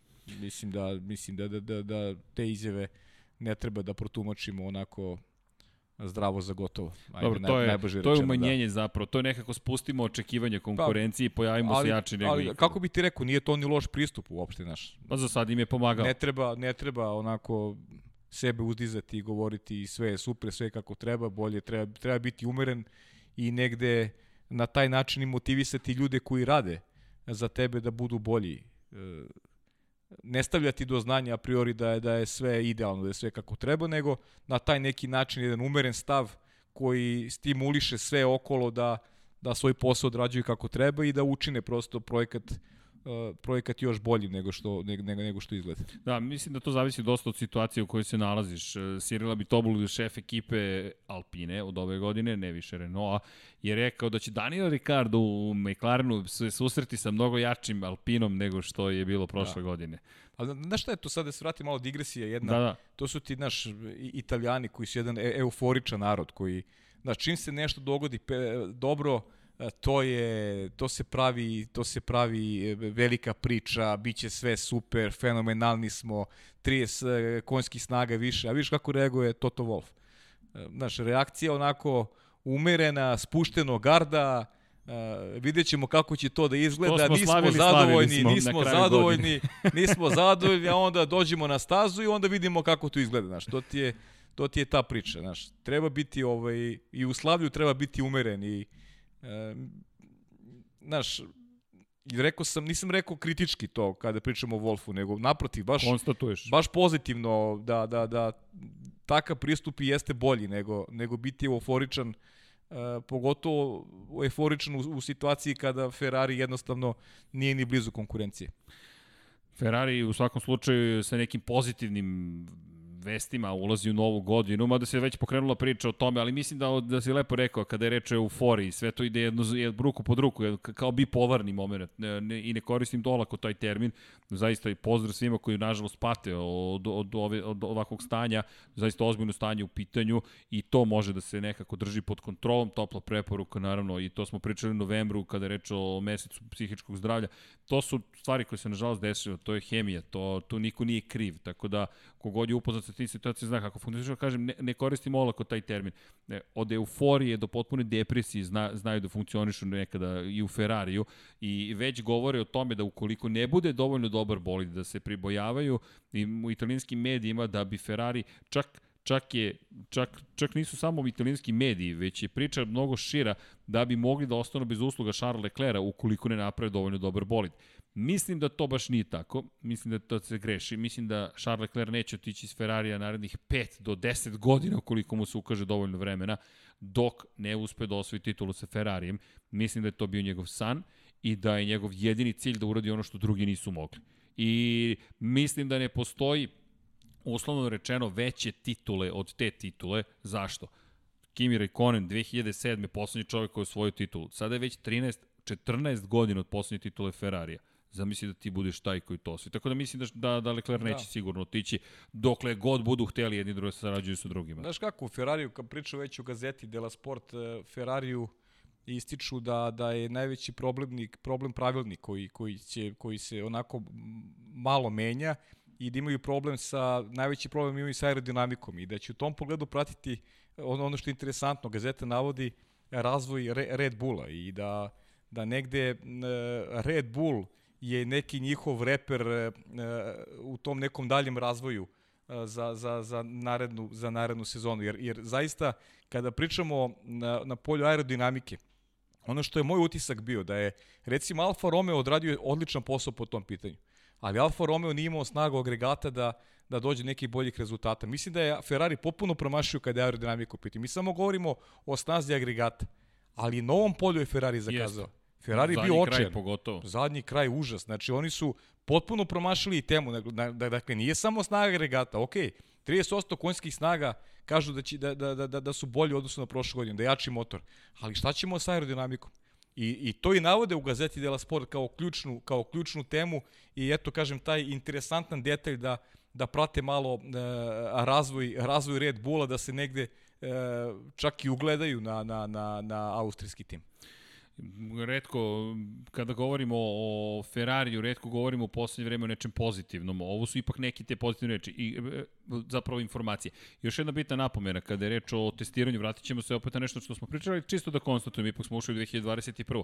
Videli smo da je Ferrari već radio na tom zadnjem kraju na poslednjoj trci i taj test, bilo su pitanje među vama, našim gledalcima i slušalcima, pozdrav svima još jednom, da na, na pitanje toga šta su zapravo to držali na zadnjem kraju kada je reč o senzorima ljudima koji za sobom su uslovčeno vukli i to je već pokazatelj bio koliko se radi za ovu godinu. Ne znamo naravno da li će to doneti rezultate ili ne, ali činjenice da su svesni, rekao bih, Ferrari u probleme s kojima se suočili. A stižem Carlos Sainz, I ono što je zanimljivo, ti si spomenuo da pre početak podcasta da navodno Ferrari neće imati vozača Ne, broj... nisam ja, Pablo. Pablo, Don Pablo, hvala Pablo, Don Pablo. nisam ja, Pablo. Da Ferrari je saopštio da neće imati vozača zvanično broj 1. Da. Pa mislim, ja rekao sam ti, šta, zna, znaš šta mislim o tome, ja, ja prosto ne verujem u tu teoriju, ali Ali to Ali- je nastavak ali okej. njihovih priča. Da. Nemamo vozača broj 1, nego prvih 7-8 trka, 6, 5, 4, koliko god, pa ćemo da vidimo ko je vozač broj 1. Pa da, ali ako imaš decidiran stav da nemaš prvog vozača tokom cele sezone, oni su to imali u onoj... Pa zašto ja stalno apostrofiram tu Moncu i tu 2018. Meni se tu Ferrari raspao. Meni je to moment raspada Ferrari. Monca 2018. je moment, moment raspada. Ferrarija. Jer ti ako nemaš stav, pa ne možeš da napraviš rezultat u Mercedesu koji ima, sa Mercedesom koji ima stav koji ima jasnu podelu. A ti ovde nemaš, nemaš tu ti dilemu. Kimi Rekonen nije u borbi za titulu. Sebastian Vettel je u borbi. I ti ne omogućuješ uh, Sebastianu Vettelu da na dve kultne staze dođe do dva, do dva triumfa i zada veliki udarac Mercedesu. Ti praviš istorijsku grešku, a pritom Lewis Hamilton vozi najbolju trku u životu iz, iz moje prizme. To je najbolja trka u životu Luisa Hamiltona je- zarad greške koju je napravio, strateške greške koju je napravio Ferrari. To sam malo pre htio ti spomenuti, ja tu imamo ta različita malo mišljenja, ja Da. se vraćam dve trke unaz, Da, ti unapred. ideš u Nemačku, okej. Tako je, idem u Nemačku, ovo sad nameštam za sebe rezultat. Pa ne, okej, pa ne, ne, ne, se, naravno. okej, ne, ne, ne Ali- nameštaš, ali, ali je, mislim da je, da je, da je i tvoj ugao gledanja dobar, jer to je, to je greška Sebastina Fetela. Mislim da nisu isključive stvari. Ali samo ti kažem, e, kada analiziramo sezone, imao je Lewis Hamilton greške.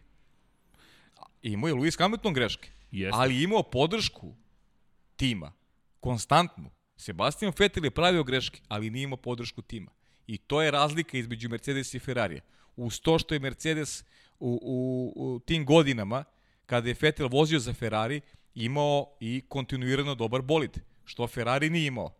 Ali u momentima kada je Ferrari pobeđivao Mercedes, Sebastian Vettel nije imao jasnu i apsolutnu podršku unutar Ferrarija. I to je velika razlika između eh, Luisa Hamiltona i Sebastiana Vettela. I Kada- zato ja apostrofiram tu, dve, tu trku u Monci 2018. jer je to tačka ključanja, to je moment kada Ferrari potpuno puca. Samo bih se vratio, ima, do, nadovezujem se novo, izvini, ali moram, da, moram da spomenem ipak Helmut Marko, dr. Helmut okay. Marko, savjetnik Red Bulla, ovde se smeju, znaju šta sam spremio, a je napomenuo da zapravo taj incident iz, sa velike nagrade Nemačke 2018. koji ja negde, moje mišljenje je da je to bio ključni moment, ne isključuju jedni drugi, okay. to, to je sve skup stvari, mi smo skup onoga što smo uradili. Ha, kada je Hamilton bio u, u podređenom položaju, zabeležio pobedu na toj trci, Vettel je imao prednost od skoro 9 sekundi u odnosu na drugoplasiranog vodio, izleteo sa staze na ulazku u stadion, prošao onu brzu desnu krivinu, ulazak u stadion, nastavlja pravo i u tom momentu ostaje bez, bez potencijalne pobede, ostaje bez 25 poena i prema mišljenju dr. Helmuta Marka nesigurnost koja je nastupila zahvaljujući tom incidentu je po njegovom mišljenju promenila Sebastijana Fetela kao vozača. Tu postoji nekoliko problema i u mojoj i Markovoj teoriji, a to je naredna trka, jedna od najboljih ikada. Zato, zato se ja ne slažem s. Helmutom Markom. u Belgiji kada je pokazao demonstracija sile je bila u pitanju, pobedio u Belgiji, pobedio Luisa Hamiltona u direktnom duelu i onda smo došli do te Italije, to je Monce, kada se sada, tada sve raspalo. Mislim, ovako iz retrospektive, da je to zapravo skup stvari. Desila se Nemačka, pobedio su i Belgiji, a onda su izgubili nekako poverenje jedni u druge u Monci i tu je sve implodiralo. I još ću te To je- vra, vratit ću te još na malo, ja sad ne mogu, pošto znaš da sam sa memorijom malo tanji, moram da pogledam, nemam laptop ispred sebe. Ta 2018. godina, ta 2018. Samo- godina, nije to bila prva trka u Nemačkoj, gde je Sebastian Vettel vodio, a onda se desilo na stazi nešto što je promenilo trku. To nije bilo prvi put. Znači, malo, malo faktor sreće u životu, Pa imaš kao i u sportu, mora da igra. godine, Mora da igra Kada je neku ulogu. startovao sa pol pozicije. Ja, ja je mislim, ja mislim da je čak trke. bilo da je čak bilo da je, da je bilo i više puta. Da, da, da su okolnosti na stazi bile promenjene u momentu kada Sebastian Vettel ima dobru poziciju. Znaš, to, je, to su sad neki momenti koji uh, onako, uh, opet, Azerbejdžan, Kina, te godine, to su na, trke... naravno, treba se i snaći u datim okolnostima. I to je tačno. Ali kad ti imaš neku sigurnost i kad imaš uh, prednost na, u trci koja ti omogućuje da da imaš onako jedno lagodno vojstvo i moment u kome trku možda završiš na pravi način, da ti se više puta poklapaju stvari koji ne idu tebi u prilog. Pa i to utiče malo na, na, na negde na svest, na, na, na odluke koje donosiš, jer ipak smo, živi smo ljudi, skloni smo greškama. Ali rekao sam ti šta je meni ključno. Grešio i Lewis Hamilton. I on je grešio, ali imao u svakom trenutku uh, opštu podršku ekipe Mercedesa, što Sebastian Vettel Ferrari nije imao. Kada već spominješ podršku i eto pričamo o Helmutu Marku i Red Bullu, da se dotaknemo i Alex Albona. Alex Albon koji E, je ostao bez ugovora. Tako je, da, odlična ali tema, da. Alex Albon je zadržan kao rezervni vozač. U, I kada se vratim na tvoju konstataciju o tome da ove godine je gotovo. Ono što je meni fascinantno, imamo 20 vozača Formule 1, čak 4 su dobila COVID-19. To je isto neki pokazatelj zaraznosti ove bolesti i zaraznosti zapravo virusa koji prouzrokuje COVID-19, koronavirus, nažalost SARS-2 je u pitanju. Ono što je tu problem jeste što mislim da si potpuno u pravu, da su velike šanse da ćemo imati još takvih situacija, što Albonu negde daje šansu da će se pojaviti na stazi. Max Verstappen, Sergio Perez će biti zvanični vozači naredne godine. Ono što je bitno, Albon će voziti u DTM-u naredne Da, godine. to se da ti kažem. DTM, čekaj, pa evo, to je Da. meni, mene to istovremeno oduševljava i plaši. Oduševljava, bit će na stazi jednom ozbiljnom takmičenju, s druge strane me plaši kad odeš u DTM, pa evo... Pa to sam teo ti kažem. Sudbina tih vozača koji su otišli u DTM je bila... Koje su šanse? Pa to je prohujelo sa vihorom. Bukvalno. Ja mislim da je ovo oproštaj od Alexa Albona. Da. Naža, od, kada je reč o Formuli 1. Podsjeti me, ajde sada... Zutil je vozio tamo, vozio je... Pa, pa Verlaine koji je vozio titulu, tamo, pa se vratio tamo po, i Paul Di Resta. dolazili, odlazili. Vozači koji su imali neke uloge. Verlaine je možda i najdrastičniji primjer, ili je on neko ko je bio projektovan i za Mercedes. Ralf Schumacher je posle karijere Formula 1 Tako je. otišao u DTM, između Pa, ostalog. između ostalo na sport klubu možete gledati DTM šampionat. Sjajan šampionat. I čini mi se da ćemo i sledeće godine. Ali nije prat- Formula 1. Nije, nije. Pa ne, ne da nije, nego Ni blizu. to je arene rast i, i velika praznina. To je to. Ali to je, na- nažalost, to je... To je Nema veze. Man, man, man, to, su- kao to sjajna su, vest. To su dva druga Za spaka. mene je Ma, ovo jest. tragedija Alexa Albona. To, slaže se potpuno Bolje bi bilo da ne vozi DTM. Bolje, slažem se. E, to sam ja teo ti kažem. Zato jeste tema zaboravio. Znaš da bi zaboravio?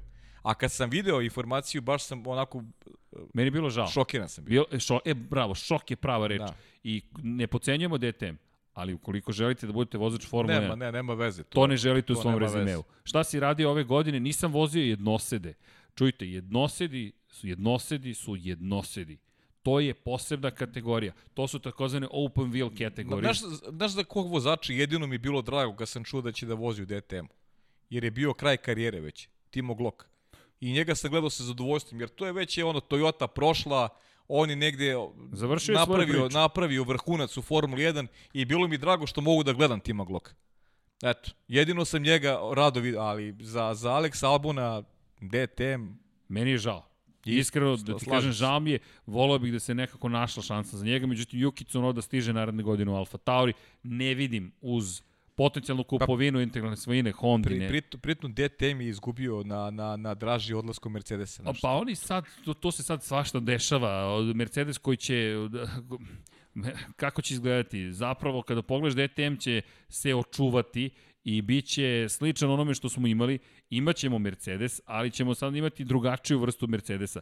McLaren će učestvovati, Audi će učestvovati, vidjet ćemo ko to će... ta da- priča ali bukvalno nije to više ta priča. Ti kada pogledaš u odnosu na neko slavno vreme, ah, to je, daleko smo od toga što bi to trebalo da bude. Jeste. Daleko, daleko, daleko. I, I kao što si rekao, Rene Rast pa svi ostali, žao mi je što je trenutno situacija, negde se nadamo da će se oporaviti, ali za Albona to je poražavajuće. Kada pogledaš Andreu Dovicioza možeš da očekuješ u tom takmičenju, ali Andrea Dovicioza je vozač Moto Grand Prix-a. To znači čovek sa dva točka silazi, na, ne silazi, silazi s motora, ulazi u automobil i takmičit će se. I mi o tome pričamo o čoveku koji je vozio Formulu 1 i bio vozač Red Bulla i, i bio jedna od nada Red Bulla da će nešto učiniti. Pa i to ti jasno sugeriše šta, kakve planove ima Red Bull sa njim, u stvari koliko ih nema. koliko ih zapravo nema. Ne, ja mislim da, da, da imamo konsenzus, da, da je to kraj negde karijere vozača Formule 1. Vrlo verovatno, nažalost, da. Šteta, ali to je, to je Pa takođe dobro, znaš, istina. Sad, da, da ne bude ono da, da prosto i ti ja smo želeli Serhije Pereza. Verovali smo Jesmo. da ostaje Albon, želeli smo Pereza, ja nisam pogodio sa, sa tim šta će se dogoditi, P- promašio sam, iako sam priželjkivao Pereza, ali s druge strane ovo je, ovo je neka neminovnost e, za, za Albona. Ali nisam očekivao, izvini, ovo. Nisam ja očekivao ovo, ali opet Ovo ti- pristao je na to. Jeste, pristojno je to, ali to ti je kao kada te pošalju neko drugo, pošalju te, aha, ti si se do sada bavio, ne znam, prodajom, sad ideš da radiš u administraciji ili obrnuto, ti si dobar u administraciji, poslaćemo te na neko potpuno deseto mesto, bukvalno nam više nisi potreban. Ne, gde ima, gde ima slobodno za angažovanje, gde ima, ili ima neko, neki, ili ima negde slobodno mesto da tražite nekoga, ali da vam neće mnogo smetati koga god da angažujemo. To tako izgleda meni. Jeste. Nadam se da grešim. Kada spomenjemo već i kombinaciju Verstappen Perez, to moram da se naviknem, Verstappen Perez, to će biti interesantno. Red Bull očekuje i upliv informacija o Mercedesovom motoru I to je ono što je isto važno napomenuti, da Sergio Perez dolazi sa ozbiljnim poznavanjem kompletnog sistema Racing Pointa, Aston Martina novog i Mercedesa i ono što mi je bilo zanimljivo, Lorenz, Lorenz Barreto, pratite f1.com, je, a, imaju pet ludih prognoza, ti ja još nismo to pripremili, ali pripremit ćemo polako, pet ludih prognoza za 2021. Prva prognoza je da će Red Bull osvojiti titulu u šampionatu konstruktora, to je da će ta kombinacija Perez zajedno sa Verstappenom biti adekvatna da se pobedi Mercedes. Na, na koju priču me ovo nadovezuje? Na jačanje B timova. Koliko je Mercedesu važno da ima dovoljno dobre B timove da mogu da spreče eventualno Red Bull u tim stvarima. Mislim da je to takođe jedan od poteza šahovskih Mercedesa. Ne znam kako ti gledaš na to. Prvo uopšte novo da mogu da osvoji i na, naravno na B timove. Pa ne verujem da mogu da osvoje, naravno nisam, nisam ovaj, uh, takav optimista kada, kada su prognoze u pitanju, misle da će Mercedes biti i dalje i dalje dominantan, a pričali smo o tome, verujem da će Sergio Perez doneti nešto Red Bull, da će to biti malo dru, dru, drugačiji Red Bull u odnosu na, na ono na ono što smo gledali i morati priznati da iz, da iz pozicije Red Bull jedva čekam da vidim kako će sve to da izgleda. Jer Nema garancija za Perez. Nema da garancije, nema garancije. Niko, niko ne vidi Red Bull, sad su oni postali ozbiljna mašina, jer tu je Sergio Perez. Ja mislim da je Max Verstappen taj koji, će, koji kolo vodi, koji je kažem ti dalje, to je moje mišljenje, da je on najtalentovaniji vozač na gridu i to je neki moj stav. Ali Sergio Perez sigurno daje jednu jednu dubinu, dubinu ekipi u, u razmišljanju da mogu da naprave da naprave bolji rezultat, da budu konstantni u poređenju sa Mercedesom, da Sergio bude taj koji neće da dozvoli sebi da ima veliki izostatak odnosno na Maxa Verstappena, a da će opet da koristi prilike koje mu su budu ukazale, baš kao što ih je koristio u, u, u, ekipi, u ekipi Racing Pointa. Tako da, a, iz ugla onoga što vozač treba da donese, iz ugla onoga što je Perez dao Formuli 1, mislim da je Red Bull na dobitku, ali da je to i dalje neće biti dovoljno da se ugrozi, da se ugrozi Mercedes. Da se ugrozi, kaže Mercedes, pre svega mislim na, na Luisa Hamiltona. E, to je ono što, što će Red Bull pokušati verovatno, da, da pobeđuju Valterija Bottasa, da tu traže svoju šansu. E, ta nekonstantnost Valterija Bottasa i njegov, onako, njegova loša forma koja je prisutna već, loša forma u poređenju sa onim što ima u rukama a to je bolid Mercedes. Da, i, ali vratimo se na, na drugu priču o ove večeri. Da li Hamilton vozi za Mercedes? Šalim se naravno, Dobro, naravno. ali zamisli kombinaciju pre, pre, Russell, pre, pretposta, Bottas. pretpostavljamo, i da će, ja. da, da, pretpostavljamo da će Hamilton da vozi. Pa, tako postavljamo priču za sada. Za sada tako postavljamo. E, znaš koja mi je druga prognoza? Druga prognoza da će Renault, to jest Alpina, biti jedan od tri najbolje ekipe naredne godine u šampionatu konstruktora. Ja bih volio da tako bude, iskreno. Volio bih da tako bude i, i e, s, e, sa više nekako uverenja bih pričao o tome da je ostao Ricardo. Veruj mi. To sam htio da ti kažem isto. Sa, Sa više Alonsom uverenja. sam skeptičniji. Skeptičniji sam, ne, mislim, pazi, ko je, znamo svi ko je Alonso, ljudi, ali napraviti toliku pauzu i, i staviti pred čoveka tolika očekivanja, ne znam, zaista ne znam. E, Mislim da će 2021. biti godina u kojoj ćemo ili dobiti ponovo Alonsa ili će on reći na kraju 2021. ej, ljudi, ja stvarno, ja ne mogu ovo. O, o, ovo više nije za mene. Mislim, e, mi- mislim da su optici obe priče. Da su optici obe priče. Ono što... Jer napraviti toliku pauzu, to je mnogo, mnogo krupan zaloga, čini mi se, i za vozača. Kao, mnogo bih volao da, da, da me demantuje i da, mislim da mene, da, mislim, ko sam ja da me on demantuje, on je veliki šampion, nego da nam pokaže svima da i dalje, da i dalje e, e, spreman da može da se uhvati u koštac sa, e, i sa mlađima od sebe, a i sa ovima koji su mu negde da kažem, bili parnjaci kada govorimo o, o tome da smo i njega proglasili za, za vanzemaljce, da, je, da su to ta tri vozača kojima smo stalno govorili u terminu vanzemaljci, Hamilton, Samo Vettel i on. Što ovaj vanzemaljac puni 40 godina naredne godine. To je problem. To je problem. 40 godina u julu naredne godine puni, da, bio je na testu mladih vozača, tu inače još uvek olujan je njeva Zach Brown, koji je izabrao izvršni direktor McLarena da se ne pojavi McLaren uopšte na, na na testu mladih vozača u Jas Marini je rekao, da, pošto nemaju program mladih vozača, uopšte nisu isplanirali da McLaren ostane, je rekao da je to sada neka nova forma takmiče. Čisto da napomenemo da je Alonso već ponovo uticao na Formulu 1 svojim ponovo pojavom i ne zaboravimo da je često znao da u tim sukobima sitnim u ekipi sruši i, i, i svoje snove u okviru timova. Tako da Renault tu mora mnogo računa da povede, a bi trebalo posebno šta će biti onoga dana kada Alonso ne bude zadovoljan. Tako je. Šta će se onda desiti sa svim tim što su stvorili zajedno sa Ricardom?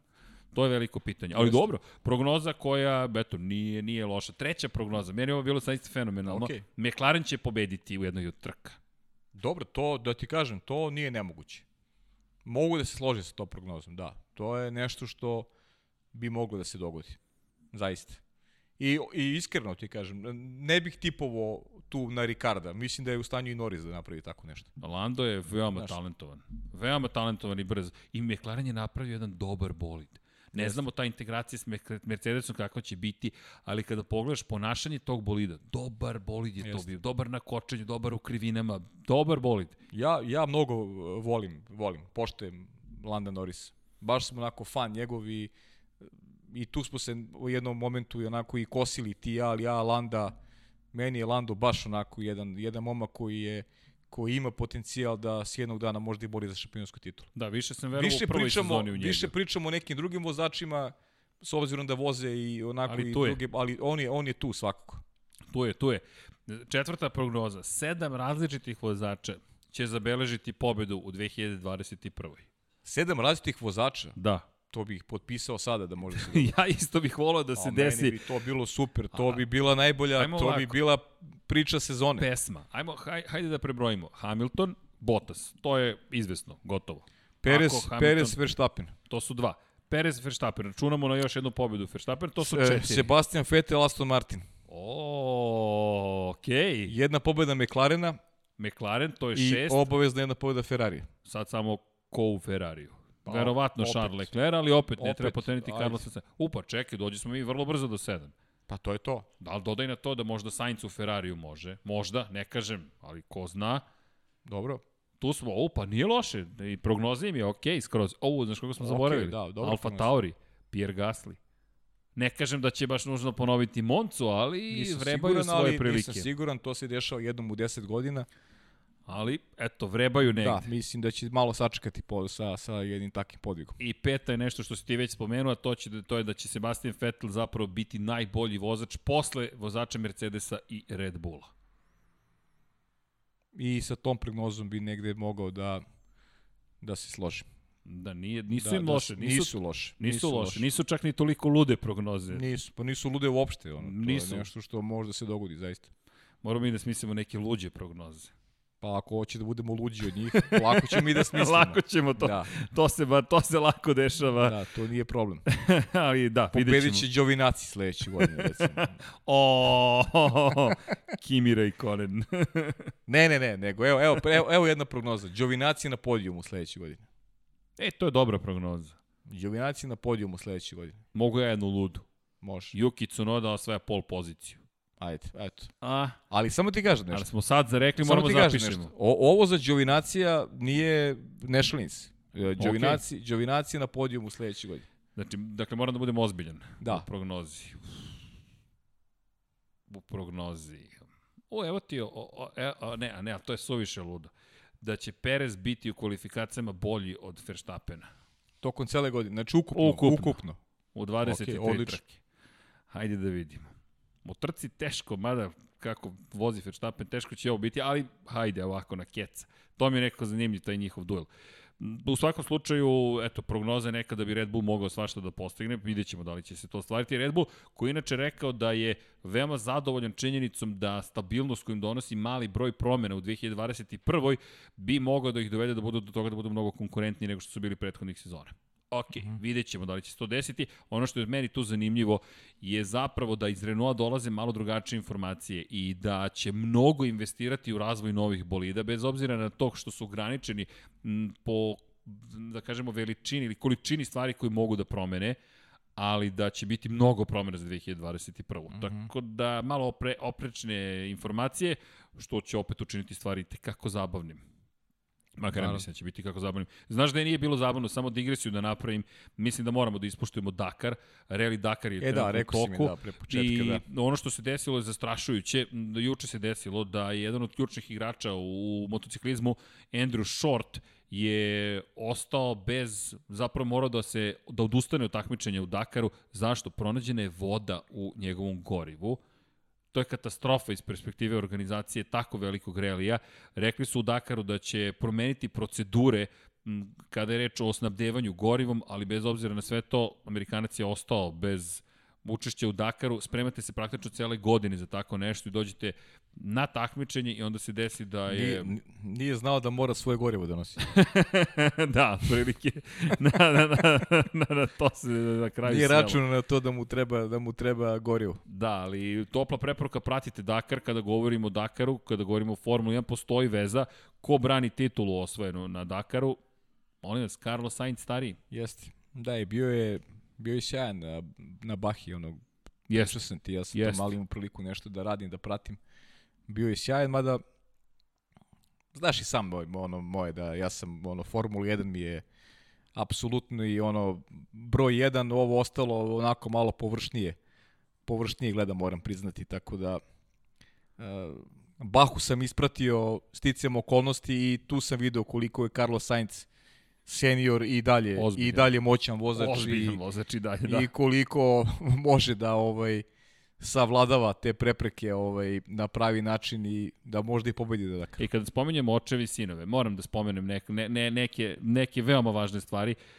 3. januar 1969. godine Ko se rodio? Da. Veliki, jedinstveni Mihael Schumacher. Jeste. Čovjek koji bi napunio 52 godine, pamtimo ga. E, pa ne, čovjek koji je napunio, napunio 52, izvinjam se, da, da, da. Don Pablo me gleda, da, izvinjam da, se, jest. lapsus, ali nažalost on se dalje bori, povreda ne, ne, okay, vrlo ozbiljna. Ok, ok, lapsus, lapsus je, ali da. Ali napunio 52 godine. Jeste, napunio 52 godine ali Don Pablo se hvata za glavu, mislim da nije tolika tragedija. Znaju ljudi nešto sam mislio. Ne, jasno, Nema da, potrebe ja za preteranom dramom. Ra, razumeo sam. Tako ja. je. Dakle, ja se zaista izvinjam, ali doživeo je zaista ozbiljan incident jest, Michael Schumacher. Jest. Još jednom izvinjenje i nadamo se da će nastaviti da se bori, ali čovek koji, nažalost, nije u onom stanju u kojem je bio sa nama i jest. koji nadamo se da je svestan i da će biti bolje. Njegov sin vozi u, u Formuli 1 i ono što je meni interesantno jeste što su rekli u ekipi Hasa da će mu dozvoliti zapravo da ima slobodu da pravi greške.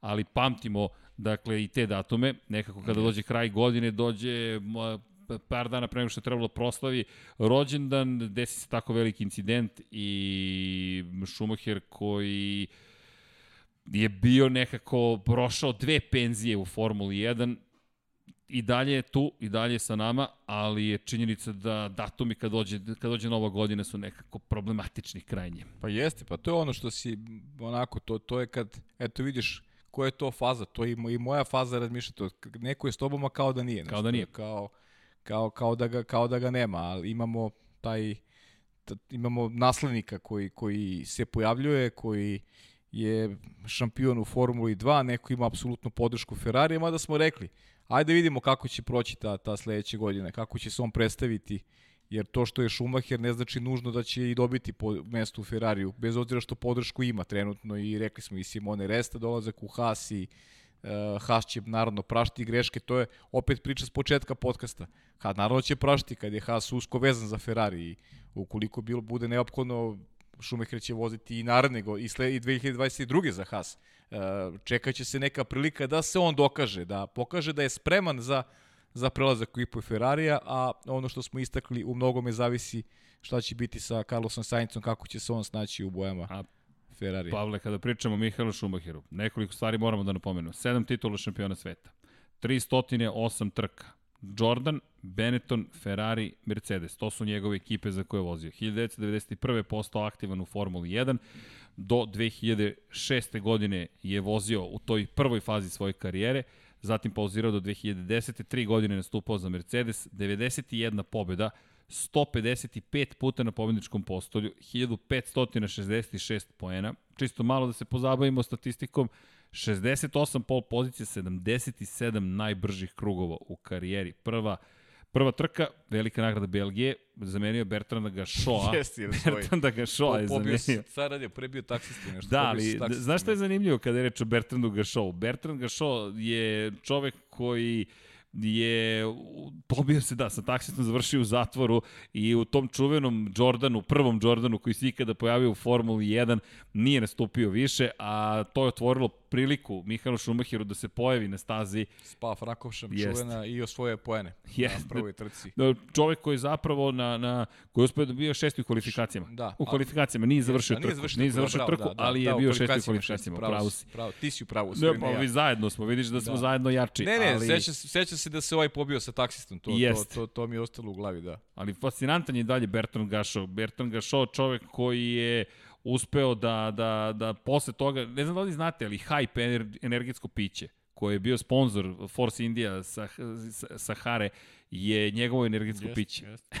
Tako da, Da, da, Bertrand da, Gašo ima Ne, neverovatan tip. Da. Neverovatan čovjek. Inače, posle toga kada je prodao kompaniju, je osnovao F1i f1i.com. Tako da pogledajte francuski website f1i.com i fascinantan je i eto Bertrand Gašo je otvorio ta vrata, ali da se vratimo na Schumachera. To su te naše priče malo. Tako je, ide. Od Šumahera dođe smo do Bertrana Gašova. A čekaj, neminovno je. Neminovno je, tako je. Prva trka Kak- Mihala Šumahera Tako da je. nije bilo tog incidenta, te tuče Gašova.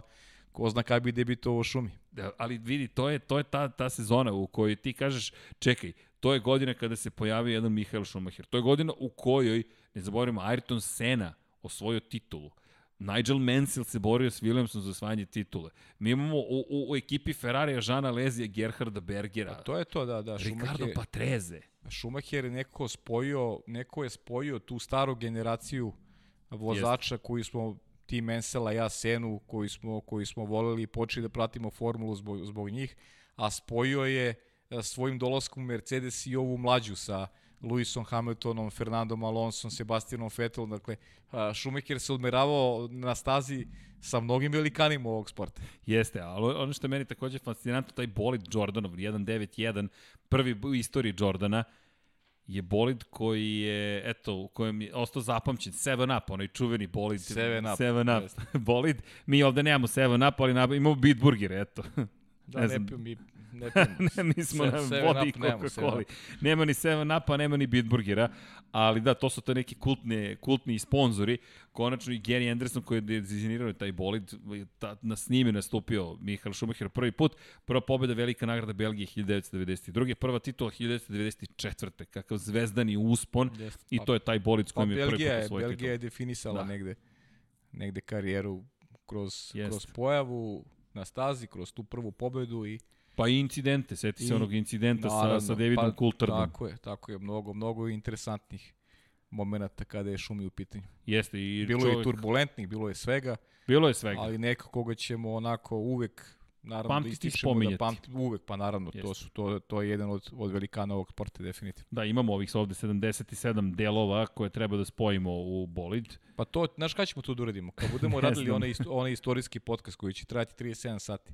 E, mo, hoćeš tada? Pa to da otvorimo i lagano Ko i je na pauzi, i... sedi tamo i... Ma bre, dok pričamo. Svi ono, zajedno slažemo. slažemo. Pa da, pričamo i slažemo. Pa moramo Može. da ubijemo vreme nekog, Znaš da ne imamo samo sa puno opremu, imamo i air, airbrush, imamo sve. Okej, Farbanje Spre- je baš spreman sam, profesionalno. samo da, samo da odvojimo vreme. Dobro. Ne znam da li je ekipa spremna. Ne znam, Dom Pablo se čudno Pablo jeste, smeje, Ivan da nešto jeste. gestikulira. Va, Ivan isti, Vanju- Ivan je tu, Ivan je tu uvek. Vanja je tako da. nestao, pazi, Vanja je nestao, upalio ovaj kadar i to je to, nema više svičevanja kadrava, nema više promene kadrova, samo se, haha, Vanja, odgovara na prozivke, hvala.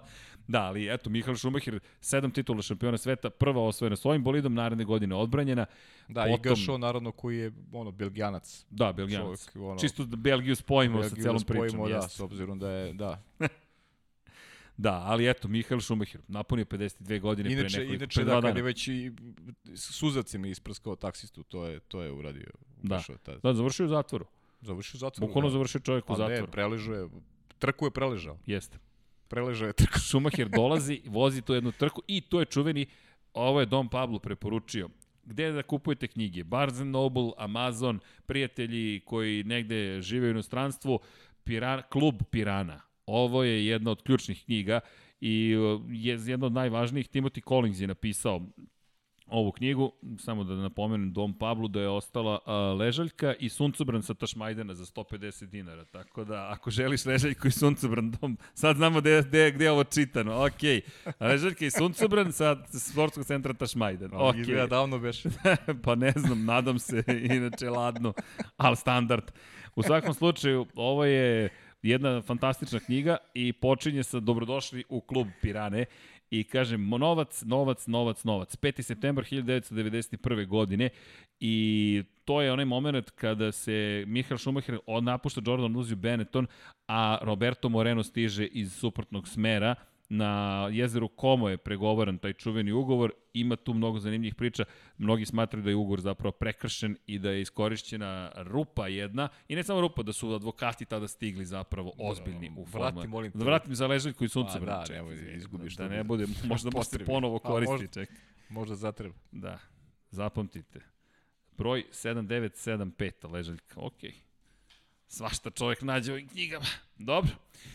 Elem, I tu vam je cijela ekipa. Frank Williams, Eddie Jordan je tu, Bernie Eccleston i naravno Ron Dennis. E, kada spominjamo, Ron, kada spominjamo Bernie Ecclestona, Eccleston se ponovo oglasio i rekao da smatra da treba vratiti V8 motore u Formulu 1. Bernie ko Bernie. Ko čemu da. Bernie u V8 Jest, motorima. Da. Ali... Na dva meseca ima, ima izjavu, izjavu za V8, vratite na V8 motore. Zabogovo na V8 motore. Ili mu možda vrte stare izjavu, znaš. Ko zna izlače. Iz... Neophodno, neophodno neophodno prisustvo Bernie Ecclestona. Bernie Bot je neko napravio. Bernie Bot koji samo Vrte to tweetuje. staru izjavu. Svaka dva meseca tweetuje ono moje V8. Yes, ono V8, da, to mi je najdraže kao. Ali dobro, čovjek se oglasio i rekao je, znam da će se naći ponovo u problemima, ali ja bi iskopao te atmosferske motore i vratio ih u Formulu 1. Kako god, Bernie, mi bismo taj zvuk, ne mora da bude atmosferski ako mogu da imitiraju taj zvuk, ali nisam siguran da to mogu da teško, da postignu. Teško, teško. I, I bilo je impresivno ono u Abu Dhabi kada se svi osvrću zato što je izašao Fernando Alonso u starom, starom, starom, starom bolidu. starom, starom, starom. Baš i stari, bo, to je 15 godina stari bolid i uzbudljiviji je po tom pitanju od modernih bolida. Da, nismo završili današnje druženje i pomislio sam nema vesti, nismo, šta da. ćemo da pričamo. Pa da, ali šta smo rekli, šta smo rekli, hoćemo neka pitanja, imamo hoćemo, neku hoćemo. temu ili smo... Imamo još, pazi. Šta smo beše, zaboravili Ima još stvari, Joe Clear, kada pričamo o mhm. mladim mm -hmm. vozačima, o Mihalu Schumacheru, Joe Clear je dobio novu ulogu I ne samo što će biti zadužen za Charles Leclerc, međutim i za za mlade vozače generalno koji prolaze kroz Akademiju Ferrari. Tako da Jock Clear, to je interesantno, je, on je od početka 2019. zapravo zadužen za trening vozača, međutim i radio je prosto m, kao neka spona, možemo reći jedan sloj da, koji povezuje Charles Leclerc i inženjere. Joe Clear je umeđu vremenu dobio više uloga i Matija Binoto, šef ekipe, je rekao da se radi o velikom, sjajnoj osobi, velikom profesionalcu koji je različite stvari obavlja za Ferrari tokom godine. Tako da, kada sada uh, uzmemo u obzir da, da stiže Mick Schumacher u Formulu 1, od njega očekuju dosta toga. Očekuju od kompletne akademije Ferrarijeve i Dom Pablo mi nešto signalizira, evo, e, potvrđujem da je sve okej. Okay. Dakle, Binoto je samo rekao da će, da će Joe Clear biti zadužen u budućnosti i za mlade vozače. To su dosta ozbiljne stvari. Mati, e, kako pogledate, ko je Massimo Rivola, je čovek koji izvrši direktor danas Aprili u Moto Grand Prix, on je bio zadužen za ovu ulogu i nije mala uloga kada je reč o, o svemu onome što čini Ferrari. Eto, zanimljiva vest, makar iz naše perspektive. Nekako smo se trudimo da zaista sve što možemo da pokrijemo kada je reč o Formuli 1 i ima još vesti, naravno uvek ima vesti. Još jedna koju treba napomenuti po, po našem mišljenju jeste da su se, to redko se slože Christian Horner i Toto Wolff, ali su se složili da treba odložiti zapravo uvođenje novog biogoriva koje je planirano za 2022. za neku od narednih godina. U ovom momentu nivo koji bi trebalo da bude jedinjenja bio goriva u gorivima Formula 1 trebalo bi da bude 5,75 Međutim, smatraju da, da bi trebalo u 2021. bi trebalo da skoči na 10 i onda je plan da se koriste nova goriva do 100% u budućnosti, međutim žele to E10 gorivo da odlože uvođenje njegovo, pa eto, čisto da konstatujemo da se i to događa, e, možda će se desiti 2025. možda 2026. U svakom slučaju održiva goriva su jedan od ciljeva Formula 1, što je negde i normalno. Planeta, čujte, mi imamo u našoj najavi, hvala našim dragim dizajnerima, na sneg. Mi sneg nismo odavno videli na ovim prostorima, zavisi gde živite svakako, ali... Lepo je na planini da ga vidiš. Na planini otprilike, ali vidi, pa nema ga uopšte. Nema da. ga. E, možemo da pričamo da se da nije toplije nego što je bilo, ali meni deluje da je dosta toplije. Pa prošle zime, ako se ja dobro sećam, njega bilo. Nije ni ove. Mislim, Nema ga. Ovde, kod nas. O, da, u Beogradu ga nije da. bilo. Nekad si mogao preko Save da pređeš, zamrznuto je bilo. Dunav je znao da zamrzne ozbiljno. Sada Živa istina, da. toga da. nema. Znam, išao sam u osnovnu školu u Zemunu. Dobro, da, to opet... I onda se vratiš... Ve... Opet, opet pričamo o tome da, da, mnogo, da dugo pamtimo, nema potrebe. Da. ajmo, dajmo dalje. sam ti kažem, moj, i moja mama pamti kad se vratiš e, mokar do kolena. Pa gde si bio? Pa malo smo se vijali oko čamaca da. tamo po, po ledu. To je čamci su gore, ali nema veze. Da, kako god pogledate, eto, složili su se Horner i Wolf, makar po nekom pitanju. Uh, i vidjet ćemo da li će biti odložena, da odloženo uvođenje novih biogoriva. U svakom slučaju, stalno se nešto dešava. Kad po, po, a kažem ti, pomislio sam, pa da li ima vesti? Da li ćemo imati mi o čemu da pričamo? pa ne, uvek ima, pa naravno. Uvek ima, Pa dobro, i bit će, i, i tu smo Hoće. svake nedelje. Tek je počelo. Tako je. Tek je počelo. Ali da iskoristimo priliku... I, i neke priliku... teme se prosto se, nameću se da, da ih e, konstantno obrađujemo prosto.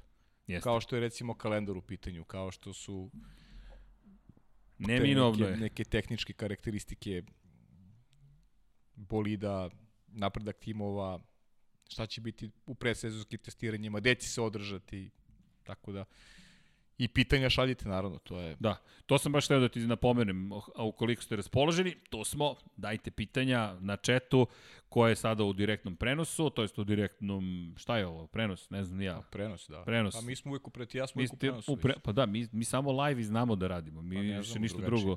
Jer se ovo montira, nemojte nas, zovite ako se montira, ako je direktno možemo u tome samo da učestvujemo. Live. Tako je. Tako da eto, pitajte, mada vidim koliko sam sada shvatio, ovde se vodi diskusija o NFL-u.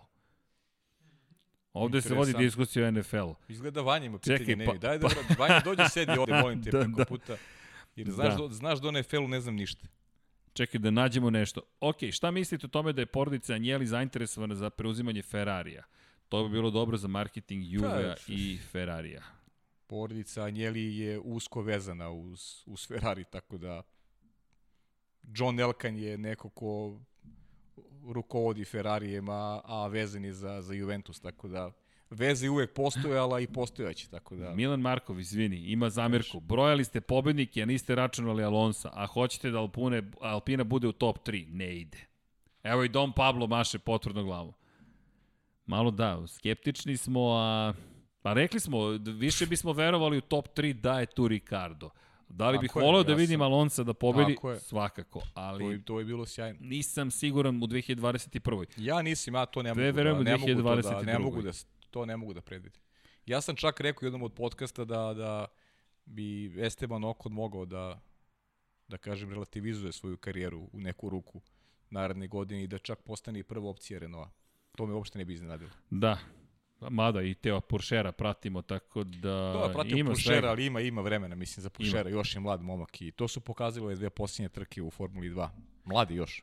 Pita Dino Sahinović, da li se DRS aktivira automatski ili manuelno? Vozač mora da ga aktivira. Ja, On dobija informaciju da može da ga koristi, ali mora sam da ga aktivira, ne aktivira se automatski. Automatski se zapravo gasi, to jest spušta se zadnje krilo, DRS, Drag Reduction System, sistem za umanjenje aerodinamičkog otpora.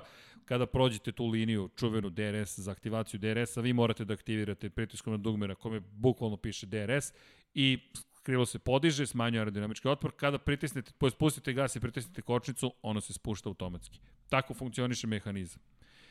Ako je Australija odložena, ko je onda prva trka? Prema trenutnim saznanjima, Bahrein. Bahrein. Velika nagrada Bahreina. Neće biti zamene, samo će se nastaviti po kalendaru da se ide dalje.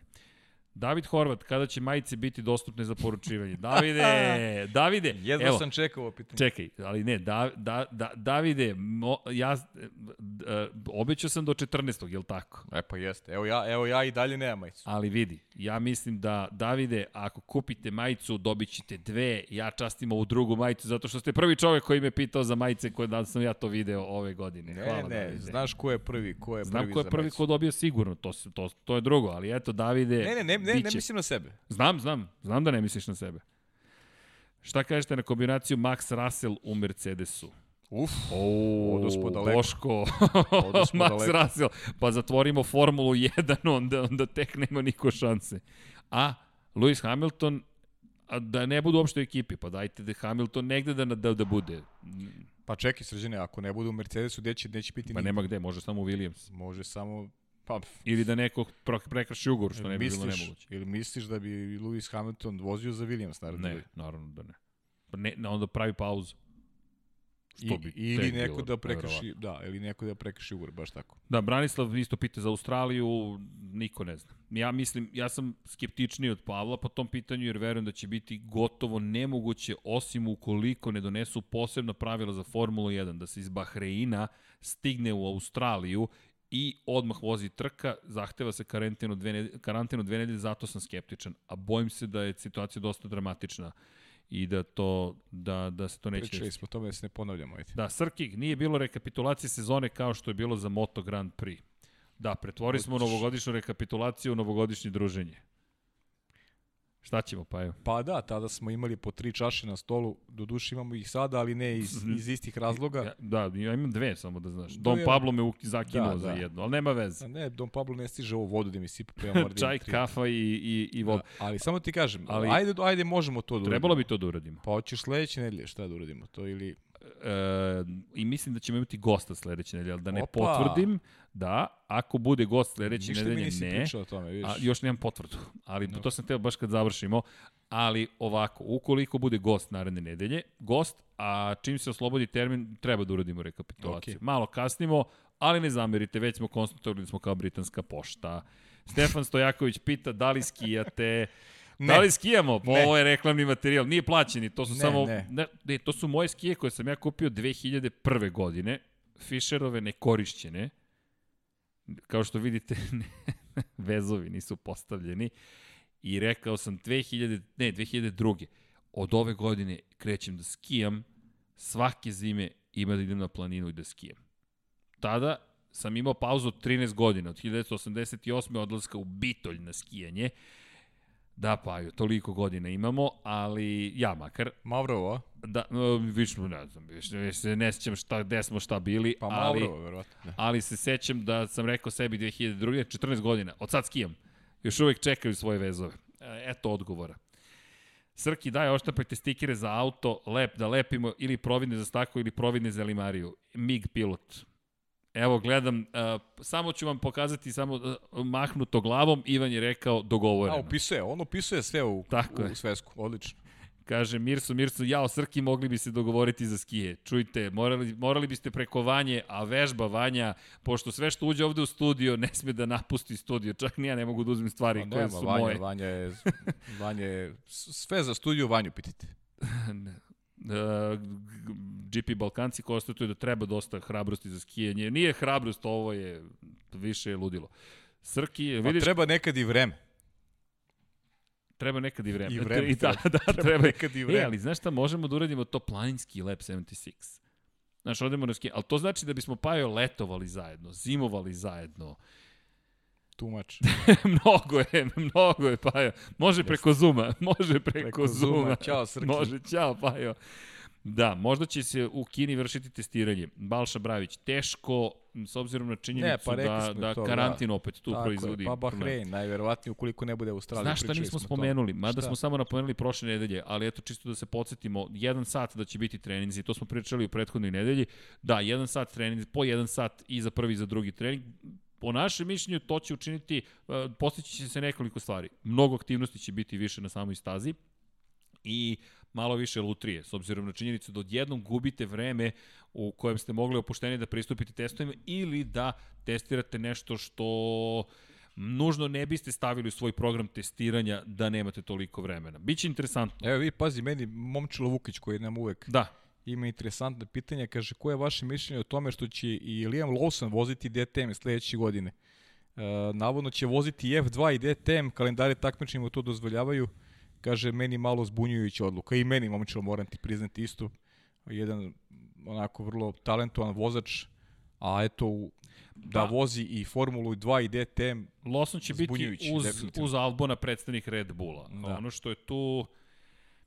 Znaš šta je pitanje možda? Možda je Red Bull iz marketičke perspektive odluč, rešio ove godine da DTM iskoristi kao mesto gde će a neku platformu za... jeste, Da, za, promovisati Dobro, okej. svoju robnu marku. Ok, ima, ima, ima negde To mi pada logike, na pamet. da. To, to, to mi zaista pada na pamet. Hvala, momčilo, dobro pitanje, Da. zaista. Kada gostuje Miloš Pavlović, čim bude bio prisutan u steknu Beogradu, uslovi, da. tako je. Dakle, Miloš je potvrdio gostovanje. Ne, dogovorili smo se da, da nećemo preko Zuma da radimo Miloša Pavla i nema potrebe, nego kad čovjek bude u Beogradu da sedne u ovu stolicu i da, da se lepo ispričamo sa njim i mislim da je tako najbolje. Da, mogli biste da ugostite Gabora Sagmajstera posle Dakara, bilo bi interesantno čuti njegovo iskustvo u tom takmičenju. Mata. Mato, uradit ćemo šta je u našoj moći da dođe i da pričamo s čovekom. Hvala. Odličan Okej. predlog. Jeste. Nije da Deki Potkonjak to već nije. Nigde je notirao? Misliš da gleda? Da, mislim da je već tamo na spisku kod Dekija bez brige. Zorić Matija Srki, obećao si nam Lab 76 tribine posle korone. Čekamo. Čim, verujte, ovde ćemo da ih postavimo, dakle, nije nešto što smo tek tako izmislili, sad koliko će biti tribina, to vidjet ćemo, ali bit će ih. Dakle, neće I- biti možda najveće na svetu. I odmah da znate, cena prava sitnica će biti. Ali to Dom Pablo i Vanja pregovaraju. Šalim se, šalim se, naravno. Naravno, ne, nema nikakve... Šalimo se. Nema, nema cene. Možete da pošaljete humanitarni SMS. Ne, nevažno je, samo vi dođite i to je to. Pravite podcast za Dakar za 2021. Uf, O, hoćemo, i- ima još, ima planova, ima planova. Pa ima, ovo kada Paja uzdahne, to vam je znak da je 11 uveče. ne, ne, ne, ma sam, šalim ne, se, ne. šalim se, šalim se, Paja. Nego Naravno. za Dakar, zato što nisam siguran koliko sam baš ovaj pozvan da da baš odao ovako Dakaru. Rekao sam ti ja, Dakar nije baš neka moja ovako specijalnost, mora priznam. U, Boško ovde niske udarce koristi. Pre ćemo dočekati kraj Mercedesove dominacije u Formuli 1 nego li Srkijeve majice, košulje, dukseve, kacige i slične stvari. E, da, e, Pavlo, i sećaš da smo pričali o Duksejima takođe? Sećaš se? Pa znam da se sećaš. A to je bilo... Dobro. O Duksejima smo pričali u avgustu Ja mislim da mesecu. ću stikere da dobijem. Pr, pr, gde su majice? majice sledeće nedelje. Obećali ste pare u aprilu, majice u aprilu. A, a, a gde su Duksevi ćemo pričati negde s početka 2022. verovatno. Da, Marko Sekulić pita da li Hamilton možda razmišlja o nastupu za svoj E-tim? Pa još nije u Formuli E. Mislim da je e, Extreme Team nije to takmičenje koje je na nivou ni blizu Formule 1. Ja sam mislio da će možda gledati ka Formuli E, međutim uz sve odlaske koje smo doživjeli ove godine i, i promene, mislim da, da, da, da nije to plan. Ali to je samo utisak za sada. Da li, evo pitanje, ko je popularniji, Rossi ili Schumacher? Uf, to je, to je baš teško pitanje. O, pa to ne može da odgovori niko. Jedna konstata... Možemo da, da. da odgovorimo lično samo. Ko, ko je nama ovaj, draži, a to je... Znaš gde sam pogrešio? Gde? E, Boško kaže, jedna konstatacija svaki, Alonso ne puni 40 godina, sledeće već ove. Slažem se, ostao sam zagla- zaglavljen u 2020. izvinjavam se, ove godine, 2021. Pa dobro, pa ali nisi ništa pogrešio u 40. godini. Pa, da, ok, hvala ti. Mora da te branim nekad ovaj od, od napadača. Balša, Balša, od Dom Pabla. Da. Da. Balša pita za Paju, koga vidi kao šampiona u Formuli 2 sledeće sezone? Sledeće sezone u Formuli 2. Da. U Formuli 2. Nekog od, premoj, od, od Premovca opet. Mnogo su jaka ekipa. Švarcman mi je možda favorit sledeće godine za, za titul. Mladi Oskar Pjastri je jedan dobar, pouzdan vozač. I neko ko mi onako treći favorit u koga zaista položem dosta očekivanja je Žou sledeće godine. Guan Yu Zhou, do, Da. dobar je bio u završnici sezone. Dobar je u završnici. Mislim da je sada pomirio sa tim da od Renaulta nema u, nekoj um, bliskoj budućnosti ništa, a te neke njegove trke koje pamtim ove godine, znači bio od sjaja do očaja, ali te dobre trke koje je vozio su bile spektakularne, zaista. Dobre. Tako. Nema Ajlota, znamo, dvojica koje su prešli u Formulu 1, evo nekako eto, premovci, prem, prema ekipa, prema Racing sjajan, ali Žov je neko koga baš očekujem dosta. Ahmed Kruško pita kako vidite poziciju Fetelo, Aston Martin i njegov put u Formula 1 nakon Ferrarija. To smo pričali na početku. Jesmo, da. Pa Ve- dobro, dosta se Da, pitanja ozbiljno verujemo. Sa... Pogledajte ceo podcast kasnije, ukoliko ste se kasnije uključili. Pričali smo i o Australiji i o Hamiltonovom ugovoru. Bi pitanje Lazara Đurđevića. Da li vam treba još komentatora za Formulu 1 u budućnosti? Obrišite ovo pitanje, molim vas. Da. Šalim se, Lazare. Pa, Bože zdravlja. Zaista. I Pa, mislim, ono, nove generacije doći će i treba da dođu. upo, po, upoznajemo se, ono, pričamo, pa Voleli ko da zna vam zašto kažemo, možda zatreba, da. ali to, to, to morate preko, preko šefa. Šalim se, ali činjenica je da, da Bože Pa dobro, i mi mu negde ono, sugerišemo u krajnjem slučaju, ali možemo da možemo da, da razgovaramo, naravno, da pošaljite na office.sportklub.com. Tako je. To je, to je prvi put. A i Lazare, tu smo, pamtimo, Lazar Đurđević, dobro. Srki, Pajo, vaše mišljenje, da li Helmut Marko i Kristijan uništavaju talente iz svoje škole, gubi dobre začne tačno kada dosegnu vrhunac ili malo pre toga Vettel, Carlos, Ricardo, Gasly bolji, Pa bolji eto, kod Tosta. najbolje si, najbolje si rekao s time što si naveo taj imena. Da nije bilo Helmuta, Marka i Hornera, da li bi čuli neka za te vozače? Mislim da, je, da, da, da su mnogo Da. toga dobrog uradili, boljeg nego, nego goreg, ajde tako da se izrazim, jer promovisali su zaista, Red Bull Akademija izbacila najviše kvalitetnih vozača u posljednjih deseta godina.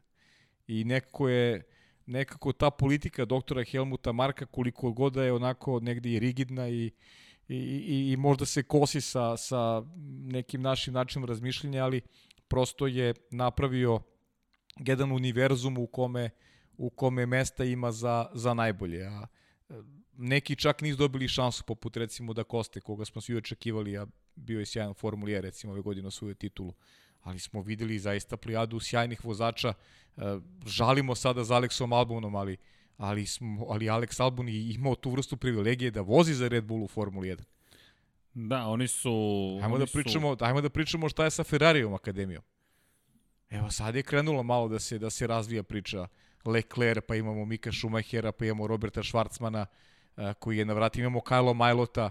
Vidjet ćemo kako će oni da se da budu uvođeni u, u, u, u programe Formule 1. Red Bull svoje vozače i tekako uvodi u, u šampionat Formule Da, 1. imamo i par pitanja, izvini, za, o Hulkenbergu i konstatacija. Hulk, ti si pričao o tome koliko puta je bio blizu ugovora sa velikom ekipom i nije ga dobio. Opet ga nije dobio. Dakle, postojala šansa da bude umesto Albona, dobio je Perez priliku, nije dobio Niko Hulkenberg. Tu nema mnogo toga što možemo da dodamo. Jedna, još jedna u nizu situacija u kojima Hulk nije dobio priliku da vozi za veliku ekipu. Evo, odmah ti kažem, ovaj, Igor nas pozdravlja, naš da ovo gleda uvek. Pozdravi ga puno. Kaže, Gabor je na vezi, kad budete hteli, nije problem Hvala. i to je to. Idemo jedno po jedno. Evo da odgovorim kada Da. će gospodin Živko ponovo biti. Biće, ja se nadam, tokom ovog meseca.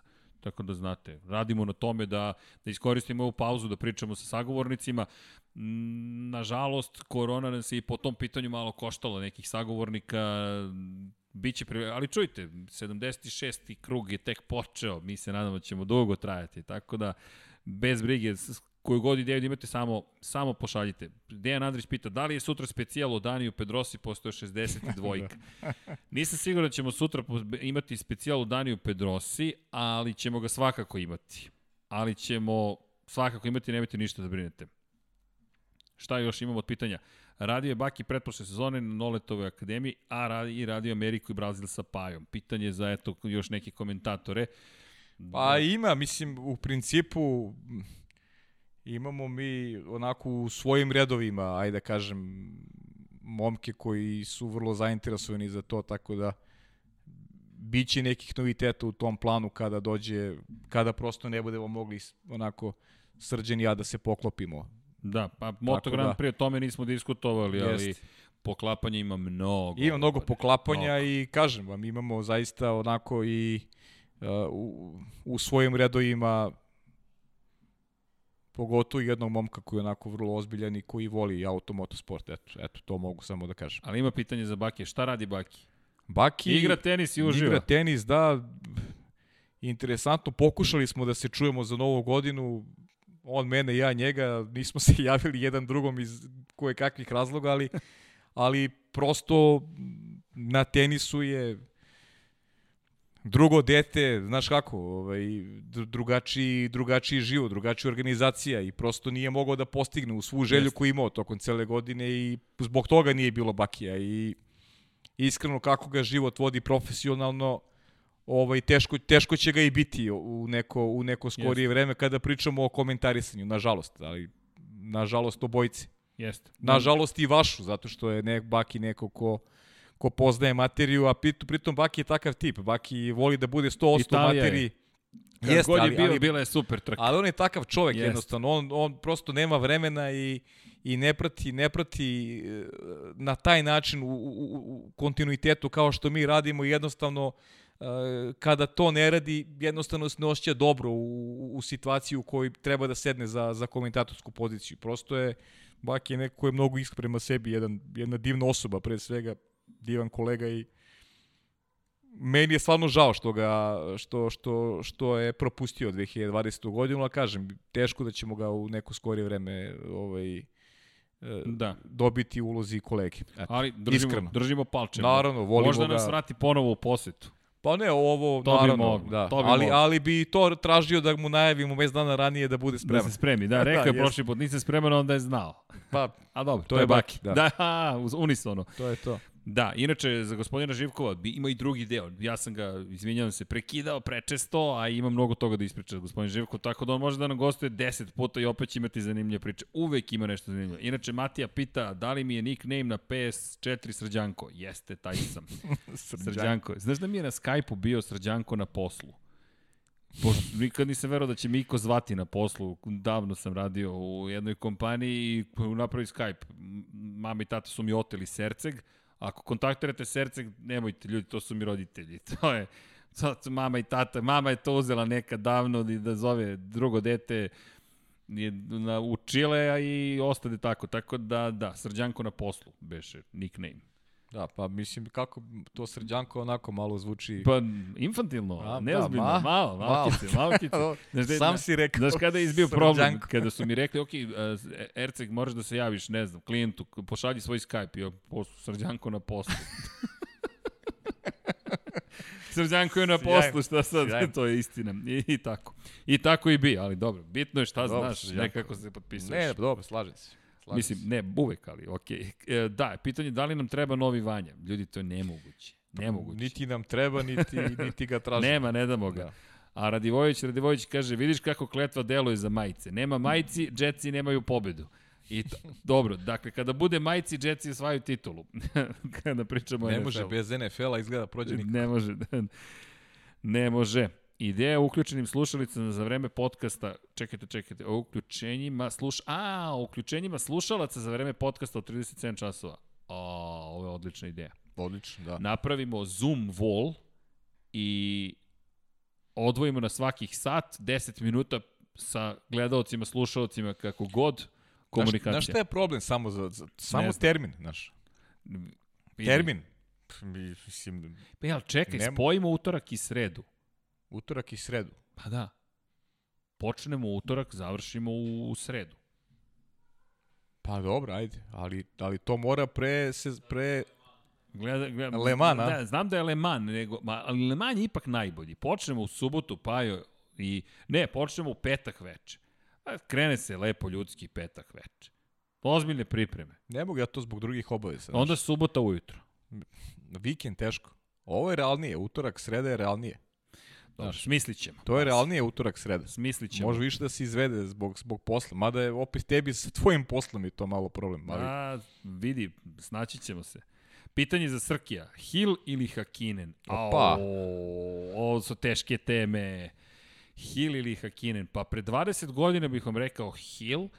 Bilo mi je nešto simpatično u toj njegovoj kacigi i, i, i u tome što je postao prvi sin jednog šampiona koji je sam osvojio titulu ali s godinama nekako Mika Hakinen, Mika, Mik, Mika je Mika. Ja, ja nemam dilemu.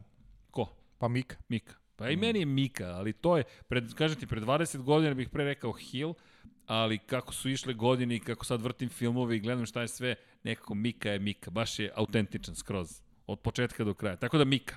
Da li pratimo Dakar? Pratimo Dakar. Ja manje, iskreno. Da, ali... Srđan je, srđan je prava tema. Mislim, pravo mesto za, za, onako, za, za pitanje o tome. Pitanje je, da li, Paja, da li je Paja bio u Solarium ili mi monitor umire? Monitor Ne, vam ne. umire. Pa ja nikad u životu nije bilo u Solarimu i Mo- tamo, i je tamo jedino može neko da ga ubaci. A da se ne pitam Ma ništa. da čekaj, ti si rekao nikad Instagram, nikad Ne, kravata. ne, ma ja, mislim, tako. A mislim, dobro, to Šalim je se, Instagram, znaš i sam da je to krenulo. Ko, ko je Znam. kriva, ko je kriva za? Instagram, da. Tako je. Da li ima mogućnosti da SK prenosi predsezonska testiranja? Nisam siguran. Čak, pogotovo sad u ovoj situaciji, ali lobirat ćemo za to, kao što lobiramo da pod- podsjetimo i za reprizu starih trka. Nismo odustali od toga, Da. samo prosto nismo još uspeli da to izdejstvujemo. Kaže se, Žorž sa Zoom volom će ti otići od utorka do četvrtka. Pa obaramo rekord. Obaramo rekord. Najljepše kaciga 2020. sezone. Pa. Uf, Znaš ko je meni? A to je možda uticaj što je kraj sezone. Evo, Dom Pablo me već mrko gleda. Kaciga koja nije, nikad, nije vožena tokom trke. Kaciga Romana Grožana koja je bila za oproštajnu trku koju su mu deca mm -hmm. napravila. Tako da mi to nekako ostalo. I lepa mi je bila onda ona Landa Norisa koju je, koju je vozio u humanitarne svrhe. Ja, ja ne mogu da odgovorim. Moram da vizualizujem, moram da, da vidim. Ne mogu sad ovako na... na ne mogu se prisetim, zaista. Da, bilo, bilo ih, ono što, ali šta je tužno kada se nadovezujemo na tu priču, što su ponovo zabranili izmenu dezena kaciga za 2021. godinu, jer to je jedno od najvažnijih pravila koje mi imamo u Formuli 1. Da. Besmisleno, baš nesmisleno. Inače, dobijamo pitanje za Fausta Gresinija. Pratimo stanje Fausta Gresinija. Najnovije vesti su od juče i svi mediji su preneli da je vrlo ozbiljno stanje, ali stabilno stanje. E, COVID-19, nažalost, je bolest od koje pati. Fausto Gresini, za oni koji ne znaju, dvostruki šampion sveta u motociklizmu i šef ekipe Gresini, nema novih vesti, ono što svi potvrđuju jeste da je, da je stabilno stanje. Tako da mi nekako se, se gledamo ka tome. Loše, ali opet stabilno. Evo, evo i Dejan Andrić isto. Pa je piti Srđana, je li sutra specijal o Daniju Pedrosi? Ko to pita? Dejan- Dejan, Dejan je već pitao da vrši je, pritisak. pita i mene. Neki pita Kaže, na ka, sve strane. ili pitao kad će podcast u VRC-u i reliju? Ili ti to postavio? Da, To, to, e, to ću da, e, to ću, forward management, kadeki u potkonjaku, ću samo da prosledim taj. Pozdravlja nas deki sve i eto, to mu je to drugo pitanje onda podcast u VRC-u i reliju. E, Pozdrav ljudi da organizujemo neki karting na Adi Huj na proleće, leto, humanitarni recimo. Ukoliko bude moguće, zašto da ne? Samo moramo da nađemo neki lep termin i to je to. Ko ima pitanje za Gaslijeva Imola, verovatno Kaciga, koji vam je omiljeni reli auto grupe B i omiljeni vezač vozač iz tog perioda? A, čekajte, ovo, mogu da sačuvam ovo pitanje za Dekija Potkonjaka. Dakle, ovo ćemo sa Dekijem Potkonjakom da odgovorimo. Šta, nisam, nisam ovaj, reli. gledam, gledam neka, Kada je reč, šta, Poruke, pa, poruke koje pitanje ti imaš? ne, ne, po- poruke neke. Imamo pitanje za grupu B. Koji nam je omiljeni automobil u cijeloj toj priči i koji nam je omiljeni vozač? Aha, aha. Ovo pitanje se ne odgovara bez Dekija Potkonjaka, verujte. Dakle, možemo da, ako hoćete, odgovorit ćemo, ali ako hoćete, ja mislim da bi trebalo Deki Dekija je, da, Potkonjaka da. da... Po, Pa, po, po, pa poz- mislim da zaslužuje baš. Deki Potkonjak da, da, da, da učestvuje u ovom pitanju. Mada, ima tu jedan... Ajde pogodite. Evo, da vidim da li možete da pogodite. Verujem da će svi ići ka nečemu što je, što je, ima jedan automobil koji malo se spominje, a mislim da bi trebalo. Mislim da smo čak i pričali o Jesi, tome. jesi se sećaš? Mm, Jesmo, pričali smo. Ja mislim da nam je Igor bio kada smo pričali o tome. Jeste. Jeste. Tako da imate već odgovor kada, kada nam je Igor bio tu, ali eto, pogodite koji je. Ili pronađite emisiju u kojoj spominjemo to. To je prvo gostovanje Igorovo. Ja mislim. Jeste. Dobro. Evo, pitanje za vas. Da vidimo šta još pitaju dragi gledalci i slušalci. To je možda neko samo sluša, a drugi ne gledaju. Inače da vam pomognem, moj omiljeni automobil iz tog... Omiljeni, svi su mi omiljeni, ali moj omiljeni, jedan od omiljenih automobila počinje na O, pa eto da pomognem. Ajmo dalje. MG Metro, da ovde stižu neki odgovori. O, eto, O. GP Balkanci, ja se to ne razumem. Ko se ne razume u grupu B, verujte, imate razloga da pogledate mnogo toga u grupi B, s obzirom na činjenicu da je, da je reč o, o, neč, o jednom periodu koji će se zauvek pamtiti u reliju. To je toliko opasna grupa bila da je zastrašujuće uopšte razmišljati o tome da je bilo dozvoljeno da se tako takmiče iz današnje perspektive. S druge strane je prelepo što smo doživeli to. Nažalost, bilo je previše incidenata, ali grupa B kada pitate realistu za grupu B, imaće i osmeh i strah, mislim, u isto vreme u, u, u sebi. Grupa B je posebna jedna priča i period iz koga su mnogi, to, mnogi stvari nastupile, ali eto, imate jedan lep specijal, mogli bismo to da uradimo specijal, ali to sad već preterujem. Vratit ćemo se. Tako je, Opel, bravo Davide, Opel, tako je. Reč je o Opelu. I zašto to je tek sad priča za sebe, ali to su te neke čuvene godine, Opel Manta je u pitanju. Zašto? Pa zato što ko bi očekivao da Opel Mante da, da bude tako čudesna, pa ali eto, Opel Manta. Za mene. Ali kažem, možete izaberete koji god želite iz tog perioda automobil, sve su to fenomenalni automobili. Jeste, pa da. Pa da, većina se seti Audija, Audi Quattro i cijele te priče oko, oko Audija, ali ono što je meni tu bilo zaista kod Mante fascinantno, što je to automobil koji je iz automobila jednog klasičnog je nastalo, nastalo to čudo. Ali dobro. Zavisi u kom periodu pričamo. 83. A dobro. Pa još, šta misliš? Lančija, recimo. Porsche Carrera i ostali. Uh, da, inače, dobili smo pitanje da li da li ćemo imati, da li, će, da li može među top 7 da uđe Williams naredne godine? Pa, teško. Ja, ja ne verujem u to. Bojim se da će samo poeni neke, neke, neke zapravo osvojiti da će to biti. I pitanje, pozdrav Bruno, ako budete komentarisali Motor Grand Prix u Mizanu na licu mesta, da li biste mogli da uvedete meni prijatelju pitanje da vidimo motori i poslikamo se s vozačima? Bruno, da.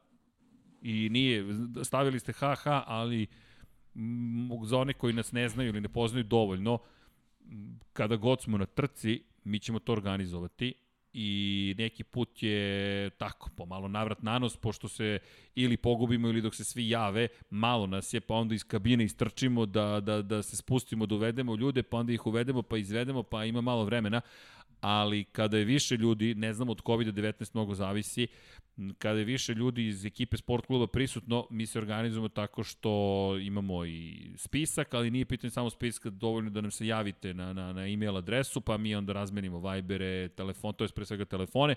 I mogu ponosno da vam kažem da ne znam više broj ljudi koji smo uveli i to zvanično radimo u dogovoru sa Dornom, bukvalno obavestimo Dornu i kažemo ljudi, biće 15, 20, 50, 100 posetilaca. Zašto?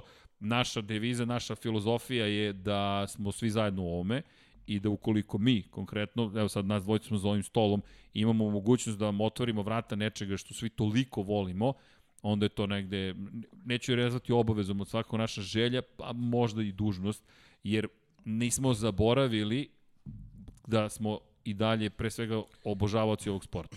Srđan, I, i Srđan je malo skroman tip, ne voli sebe da ističe, a uveo je mnoge na, na, na moto, moto ovaj, GP trke. E, imam i ja ljude koji su jako dobri sa mnom, preko kojih preko mene su stupili u kontakt sa Srđanom i bukvalno svako je mogao da prođe kroz padok, Srđan ga je uveo, uvek ima strpljenja i, i, ovaj, i energiju da, da, da uz obaveze koje inače radi, da, da, pronađe, da pronađe vreme i način da ljude onako da ima mogući da, da dožive tu vrstu iskustva. Tako da pozvan sam to da kažem i želim to da kažem zato što ne, ne želi da priča u svoje ime čoveka, upravo on to radi. Redovno, pa eto, imate, imate redku privilegiju da, da iskoristite svi vi koji, koji volite e, MotoGP, imate priliku da postije trke, učinit će vam to sigurno. Da, to je, to je, to je stav. To je prosto, kažem, stav. I kako budemo na Formuli 1, bez to će brige. biti onda zajednički stav, Tako a je. ovo je ono što, što on radi, ja to znam već godinama unazad, neke moje prijatelje uvodio, tako da. Da, i to priča, je... Priča potpuno proverena. Nema, nema lepšeg osjećaja kad, kada se dese te neke lepe stvari. Tu smo, zbog, zbog emocije smo to, tako da slobodno se javite, MotoGP, at infinitylighthouse.com. Samo ti kažem, Igor, Igor je rekao, Igor ti šalje poruku, reci Srđinu samo e, Juha Kankunen. da, da, to je to. E, ali pitaj, evo, evo pitanje za, za Igora. Evo, GP Balkanci kaže, ajde vi nama postavite pitanja. Čekaj, zamisli ovaj spin. Da. Evo ja da pitam Igora, šta misli Opel Manti i u mom izboru iz grupe B? Dobro. Da, Čekamo Igora da odgovori. E, Branislav, napiši sve u kapsu. Ja sam iz Makedonije, možemo li mi, orga, ako organizujete nešto tako? Ako je Maksime pitanje za, za, za, za Moto Grand Prix, ne šalim se, svako ko se javi, ukoliko imamo mogućnost, mi ćemo ga uvesti. Ljudi, ovo nije pitanje nacije, nije pitanje... Ne, naravno. Ovo je pitanje ljubavi prema Moto Grand Prix. Uvodili smo, Italijane smo uvodili. Zašto? Sretnete ljudi koji očajni sede i ne, ne, nemaju ulaz u pit lane kada se trka završila, kada mi odlazimo kući, nama je to nevažno. Mi delimo emociju koja se zove MotoGP, Formula 1, Automoto Sport i to je no, MotoGP jedino. konkretno sada, sada jer da. ovo nismo nismo, nismo još imali prilike, da to radimo. Nismo imali priliku da radimo, tako. a ovo što Srđan radi, rekao sam već, to je onako amin, bukvalno je tako, kako da, sam rekao. Odakle god da ste, samo se javite i to je to. Pitanje za Paju, koji vozač ima najviše odustajanje za red? Ma ne, to su pitanja koje su nemoguće, čekajte. Ako pogodi, Ko poklanjam ima... dres Juventusa iz sezone kada je svoju seriju B. Ko ima A, najviše bravo. odustajanja za redom? Au, da, da, znaju ljudi da, znaju ljudi da sam navijač Juventusa. Čeka, da. ovo je ozbiljna ponuda. Ovo... Čekaj, mora da razmislim onda. Ko ima, koji najviše... vozač ima najviše odustajanja za redom? Ali čekajte, redom. Bogdane, pričamo, pitanje. Pričamo o kom periodu? O sezoni ili u istoriji ili kako? Da, da, e to mora da se kada se naglasi. Samo da razumemo. Je li moguće u Austriji na MotoGP? Ako budemo u Austriji, da. Evo, Momčilo pita Igora, koji je njegov omiljeni automobil grupe B. Mirso, Mirso, gde da vam se javim? Pišite na motogp at infinitylighthouse.com. Ako bude sada tamo uništeno mail, mailbox, ali čujte, samo da se razumemo, ako pišete danas, samo da znate da to će biti sačuvano, nego pred samu trku moramo da se lepo organizujemo. Da, da, da, to je mnogo važno i molim vas za razumevanje, pošto se desi da ponekada bude i preko 50 ljudi, uh, gužva je ogromna, ogromna je gužva i tu je bitno samo da imamo razumevanje jedni za druge. Ograničeno je vreme, nemamo toliko propusnica i onda idemo u vrte se, vrte serijalima. Se, da, Jeste. vrte se u krug. Jeste, i to je pitanje da li možete da, da da nađete svoje vozače, ali objasnit ćemo vam trikove gde da čekate Rossi, gde da čekate Markeza, gde da čekate nekog drugog. Inače, samo da odgovorim na, na, na pitanje, a to je da li je, šta je sa Markom Markezom, nema još uvek pouzdanih informacija, narednih nekoliko meseci će biti kritično. Čekamo. Da, vezano za povratak. Na Kaže, tako. imao je 18 odustajanja za redom. Imao je 18 odustajanja za redom. A čekaj, ali tako. o kojoj godini pričamo? Pričamo o istoriji ili pričamo o, o sezoni nekoj? O istoriji, znači to ove godine nije, nije bio slučaj. Da, da, ajde, to je istorija, ja pretpostavljam da je istorija. 18 ustaja, odustajanja za redom. Tako je. 18 odustajanja za redom. To je ozbiljno pitanje.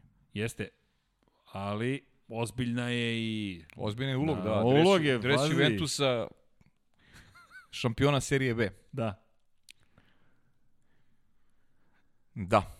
Evo ja ću da postavljam pitanje dalje. Ne, pa ne, ne, mislim, ne vredi. Ili ako, ako ne mogu sad doma da odgovorim, znaš, ako gledam na internetu, to nije onda odgovor, znaš. Pa da. To, je, to treba odgovoriti odmah. Probaću, probaću da kažem jedno ime, pa eto, ako, ako sam pogodio, pogodio sam, ako nisam, nisam. Ajde, neka bude, neka bude, neka bude, znaš koji prvi pala na pamet, to ću reći. Da? Pastor Maldonado. Pastor Maldonado. Mislim da nije... Ja da. mislim da nije, ali mi to prvo palo na pamet. Mm, čekaj, čekaj, ovo je, ali čekaj, to sam pre nek, to je, to je pre nekog vremena smo nešto diskutovali o tome. Imao je, ja mislim da je to čuveni niz. Jao. Ne mogu da se setim. Ne mogu da se setim. Evo, pomozite nam, ne mogu da se setim. Mislim da je neki italijanski vozač, ali nisam siguran. U svakom slučaju, eto, pomozite nam, ne znamo tačno ko je imao 18 odustajanja. To je... Ne znam. Ne znam. Ubeđen sam da je Italijan u pitanju, ali ovako na pamet ne mogu da se setim. Samo znam da je, Ita... mislim da je Italijan, ali nemam predstavu ko je. Dakle, koliko? 18 odustajanja. Ajmo da potražimo ko je imao najviše odustajanja.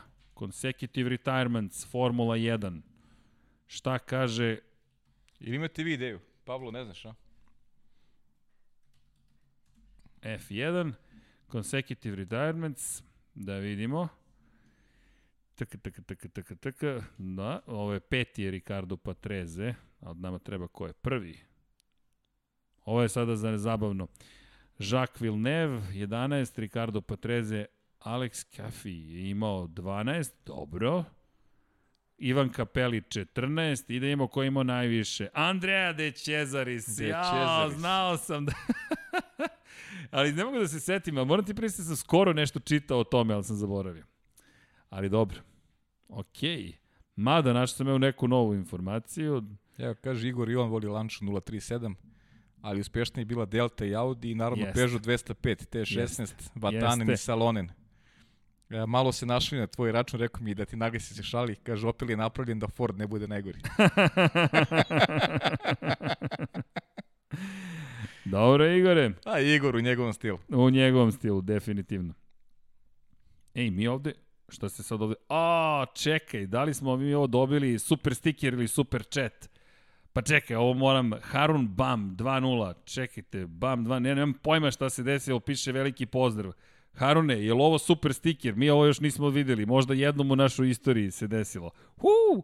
Inače, znate koliko smo, pri... evo pitanje za vas, koliko je Infinity Lighthouse prihodovao od YouTube reklama u prethodnih 28 dana?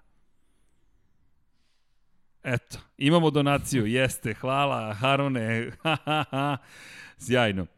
Čitaj chat Crki. Evo, De Cezaris ukupno, Diniz imao šest, tako je, Andreja De Cezaris. Ta, zaboravio sam, zaboravio sam. Da, ja iskreno ti kažem ne bi se setio. Tako da ništa od Resi Juventus. Jel ima vesti o Red Bullu za 2022. motore, uđe smo u Nema, nema 2021. Christian Ne. Horner rekao, ne, nema još novih tih vesti, svi čekamo. Nema pravih. Pa mislim, to će biti sigurno velika tema koju ćemo se posvetiti kada se nešto, nešto zvanično obelodan.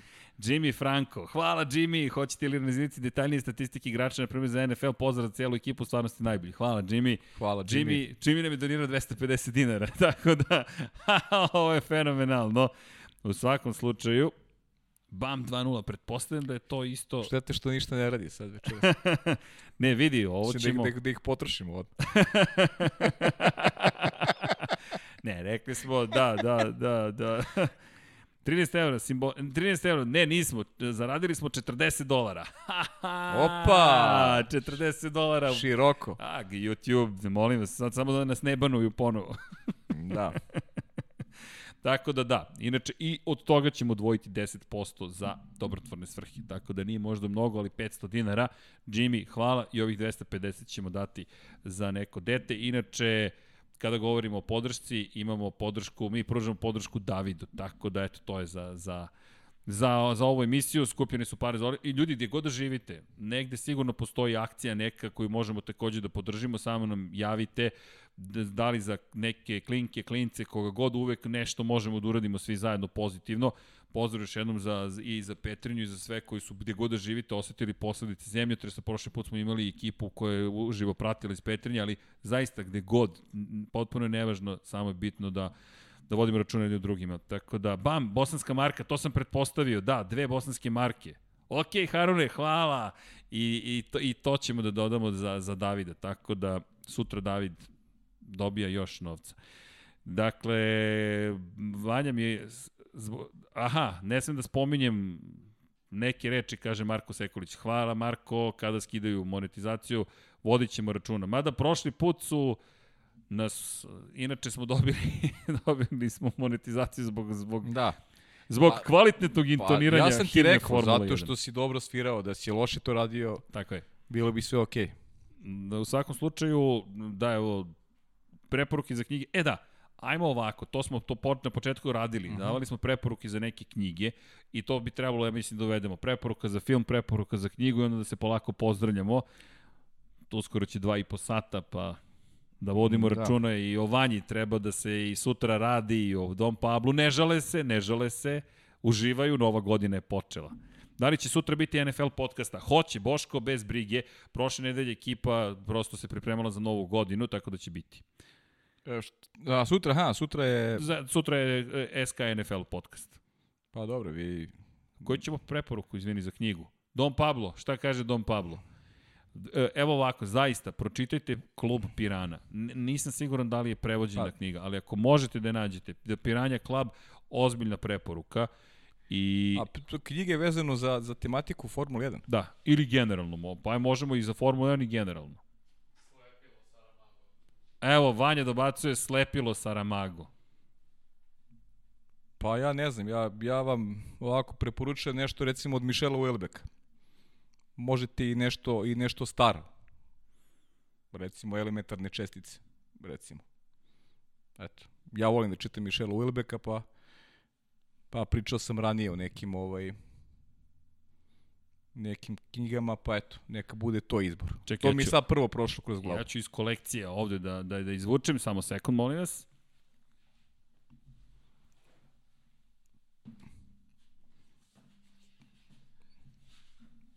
Dobro, ovo je iz naše biblioteke, ostade tamo rupa gore, Vanja. Ali knjige su za čitanje. Ovo su je velika knjiga Ambera, Roger Zelazni, pa eto topla preporuka kompletne hronike Ambera od prve do desete knjige ima da se čita, nemojte da brinete. Devet prinčeva Ambera, e, puške Avalona, znamenje jednoroga, ruka Oberona i predvorje haosa. Pa imate Trumps of Doom, Blood of Ember, Sign of Chaos, Night of Shadows i Prince of Chaos. Ko voli Rodgera Zelazina, možda možete da pročitate i Gospodar svetlosti. A što se tiče Formule 1, dali smo preporuku. Da. M- Mihajlo, hvala Mihajlo, bravo. Evo i od Mihajla donacija, tako da ćemo, da, inače iskoristit ćemo sve ove koje ste, koje ste nam dali. Hvala vam najlepše. I inače, mi što se nas tiče, trudimo se stvarno da da pomognemo što je više moguće, a gledat ćemo ove godine da bude više sponzora, zašto? Pa, nadamo se da ćemo i izaći malo iz studija, ne zato što nam nije lepo ovde, već zato što ćemo da odemo na trke, da snimamo malo tamo šta se događa. Idemo na ulicu, idemo šta, je- šta narod kaže. Šta na, na skijanje. Čekaj, pa ski, skijaški specijal ti i ja. E, ti sni, Da ne možemo. snowboarding i skije. Pa ne možemo, zato što sam ja tu tanak. A ja, ja- sam ja mogu- spektakularan, šta, 88. sam poslednji put skijao. Ja mogu da se šankam, da se, da se sanjkam. Sjajno. Da, eto, to su ne, neke preporuke, a za film, imaš neku preporuku za film? Ej, nemam za film. Ja sam neko ko, ko guta knjige. Stvarno mnogo volim da čitam. A, a film, kako bi ti rekao, ja, ja kad mi kažeš film, ja odmah udarim na bilo jednom u Americi. Da, to si preporučio. To sam već rekao, zaista ja stvarno, stvarno sam ono, malo sam zabagovao u, u, u tom smislu, ne, nemam ono sad da gledam filmove i da, i da tu neku novu, da kažem, kinematografiju, da pratim knjige gutam i slobodno vreme, u slobodno vreme se družim sa knjigama, a nemam naviku zaista da, da, da, da, da gledam filmove. Baš je to neko, neko davno prošlo vreme, jer jednostavno nemamo vremena i onda se tebra, te, čovjek može se opredeli za, za, za nešto, a meni je knjiga izbor, eto. Knjiga je prosto moj izbor. Samo, I, I omiljeni poklon, eto. To je nešto što najviše volim da, da, da dobijem, to je knjiga. Da, knjiga je prelepa stvar. Da. Baš, baš prelepa stvar.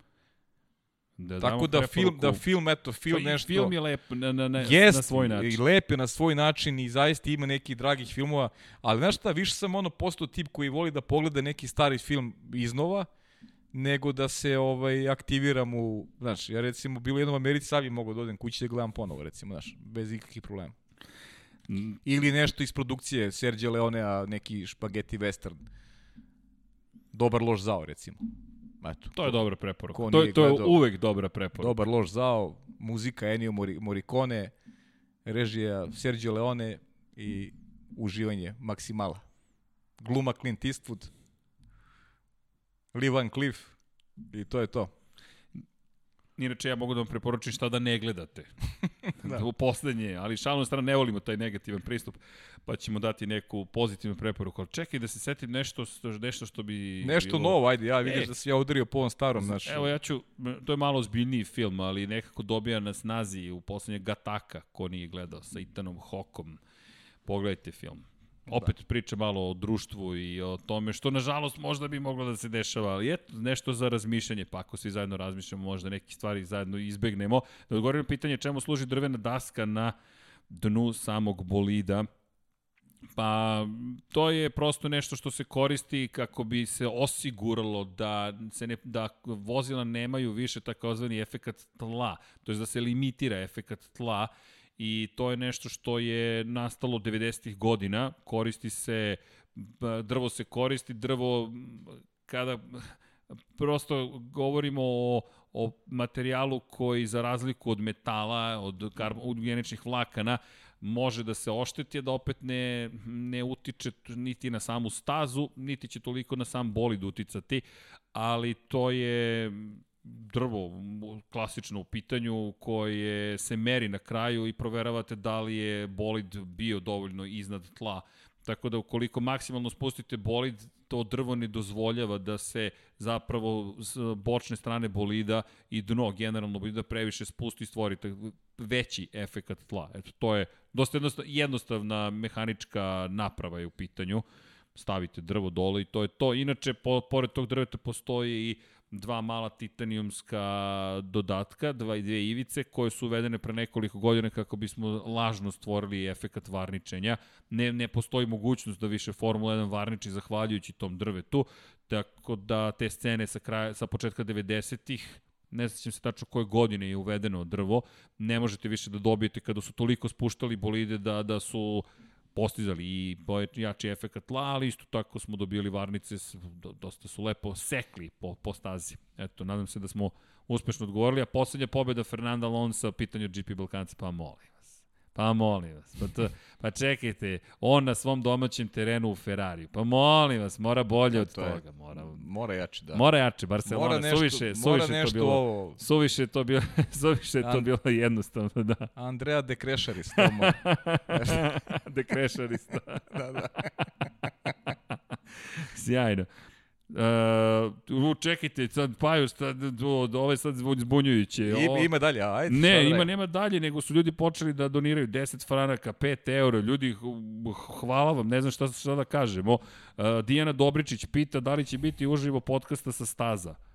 Hoće. Uf, ljudi, pa ako pa, mislim, budemo na stazi, ljudi, hoće. A dobro, ne možemo, mislim, e, to je sad dobra stvar. Hoće ako budemo tamo, a to da ćemo biti tamo, nažalost, ne zavisi samo Tako od nas. Je. To je Tako je. Skupa igračka, da znate. A nije da... samo što je skupa, nego što su takva pravila striktna pa, prošle godine Pa bilo. dobro, jeste, ali Ljudi. mislim, srđene i kad ne budu više takva pravila, realno je skupa igračka. Ja da mislim, ne Dom Pablo da imamo novog komercijalnog direktora.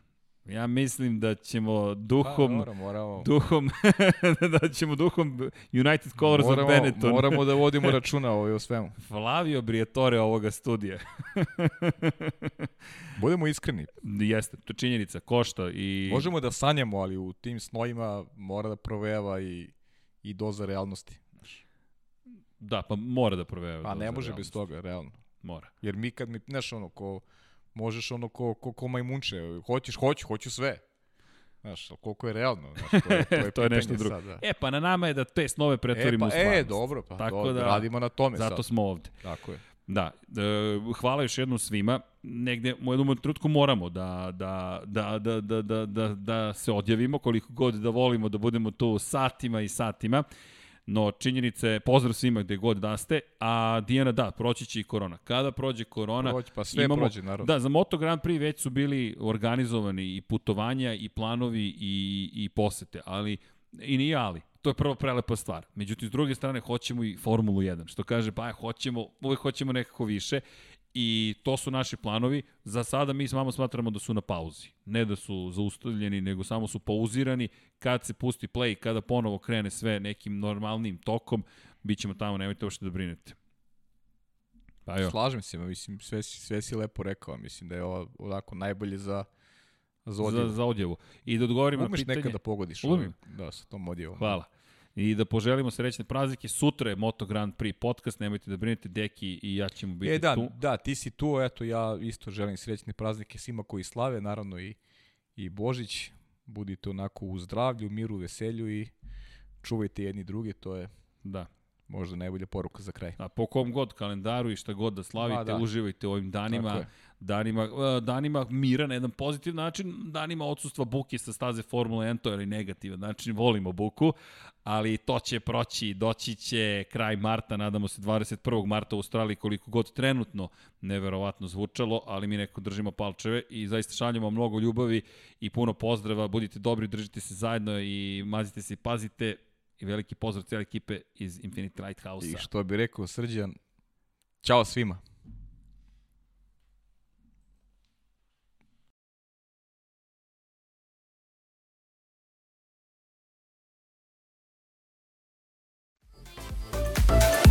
Thank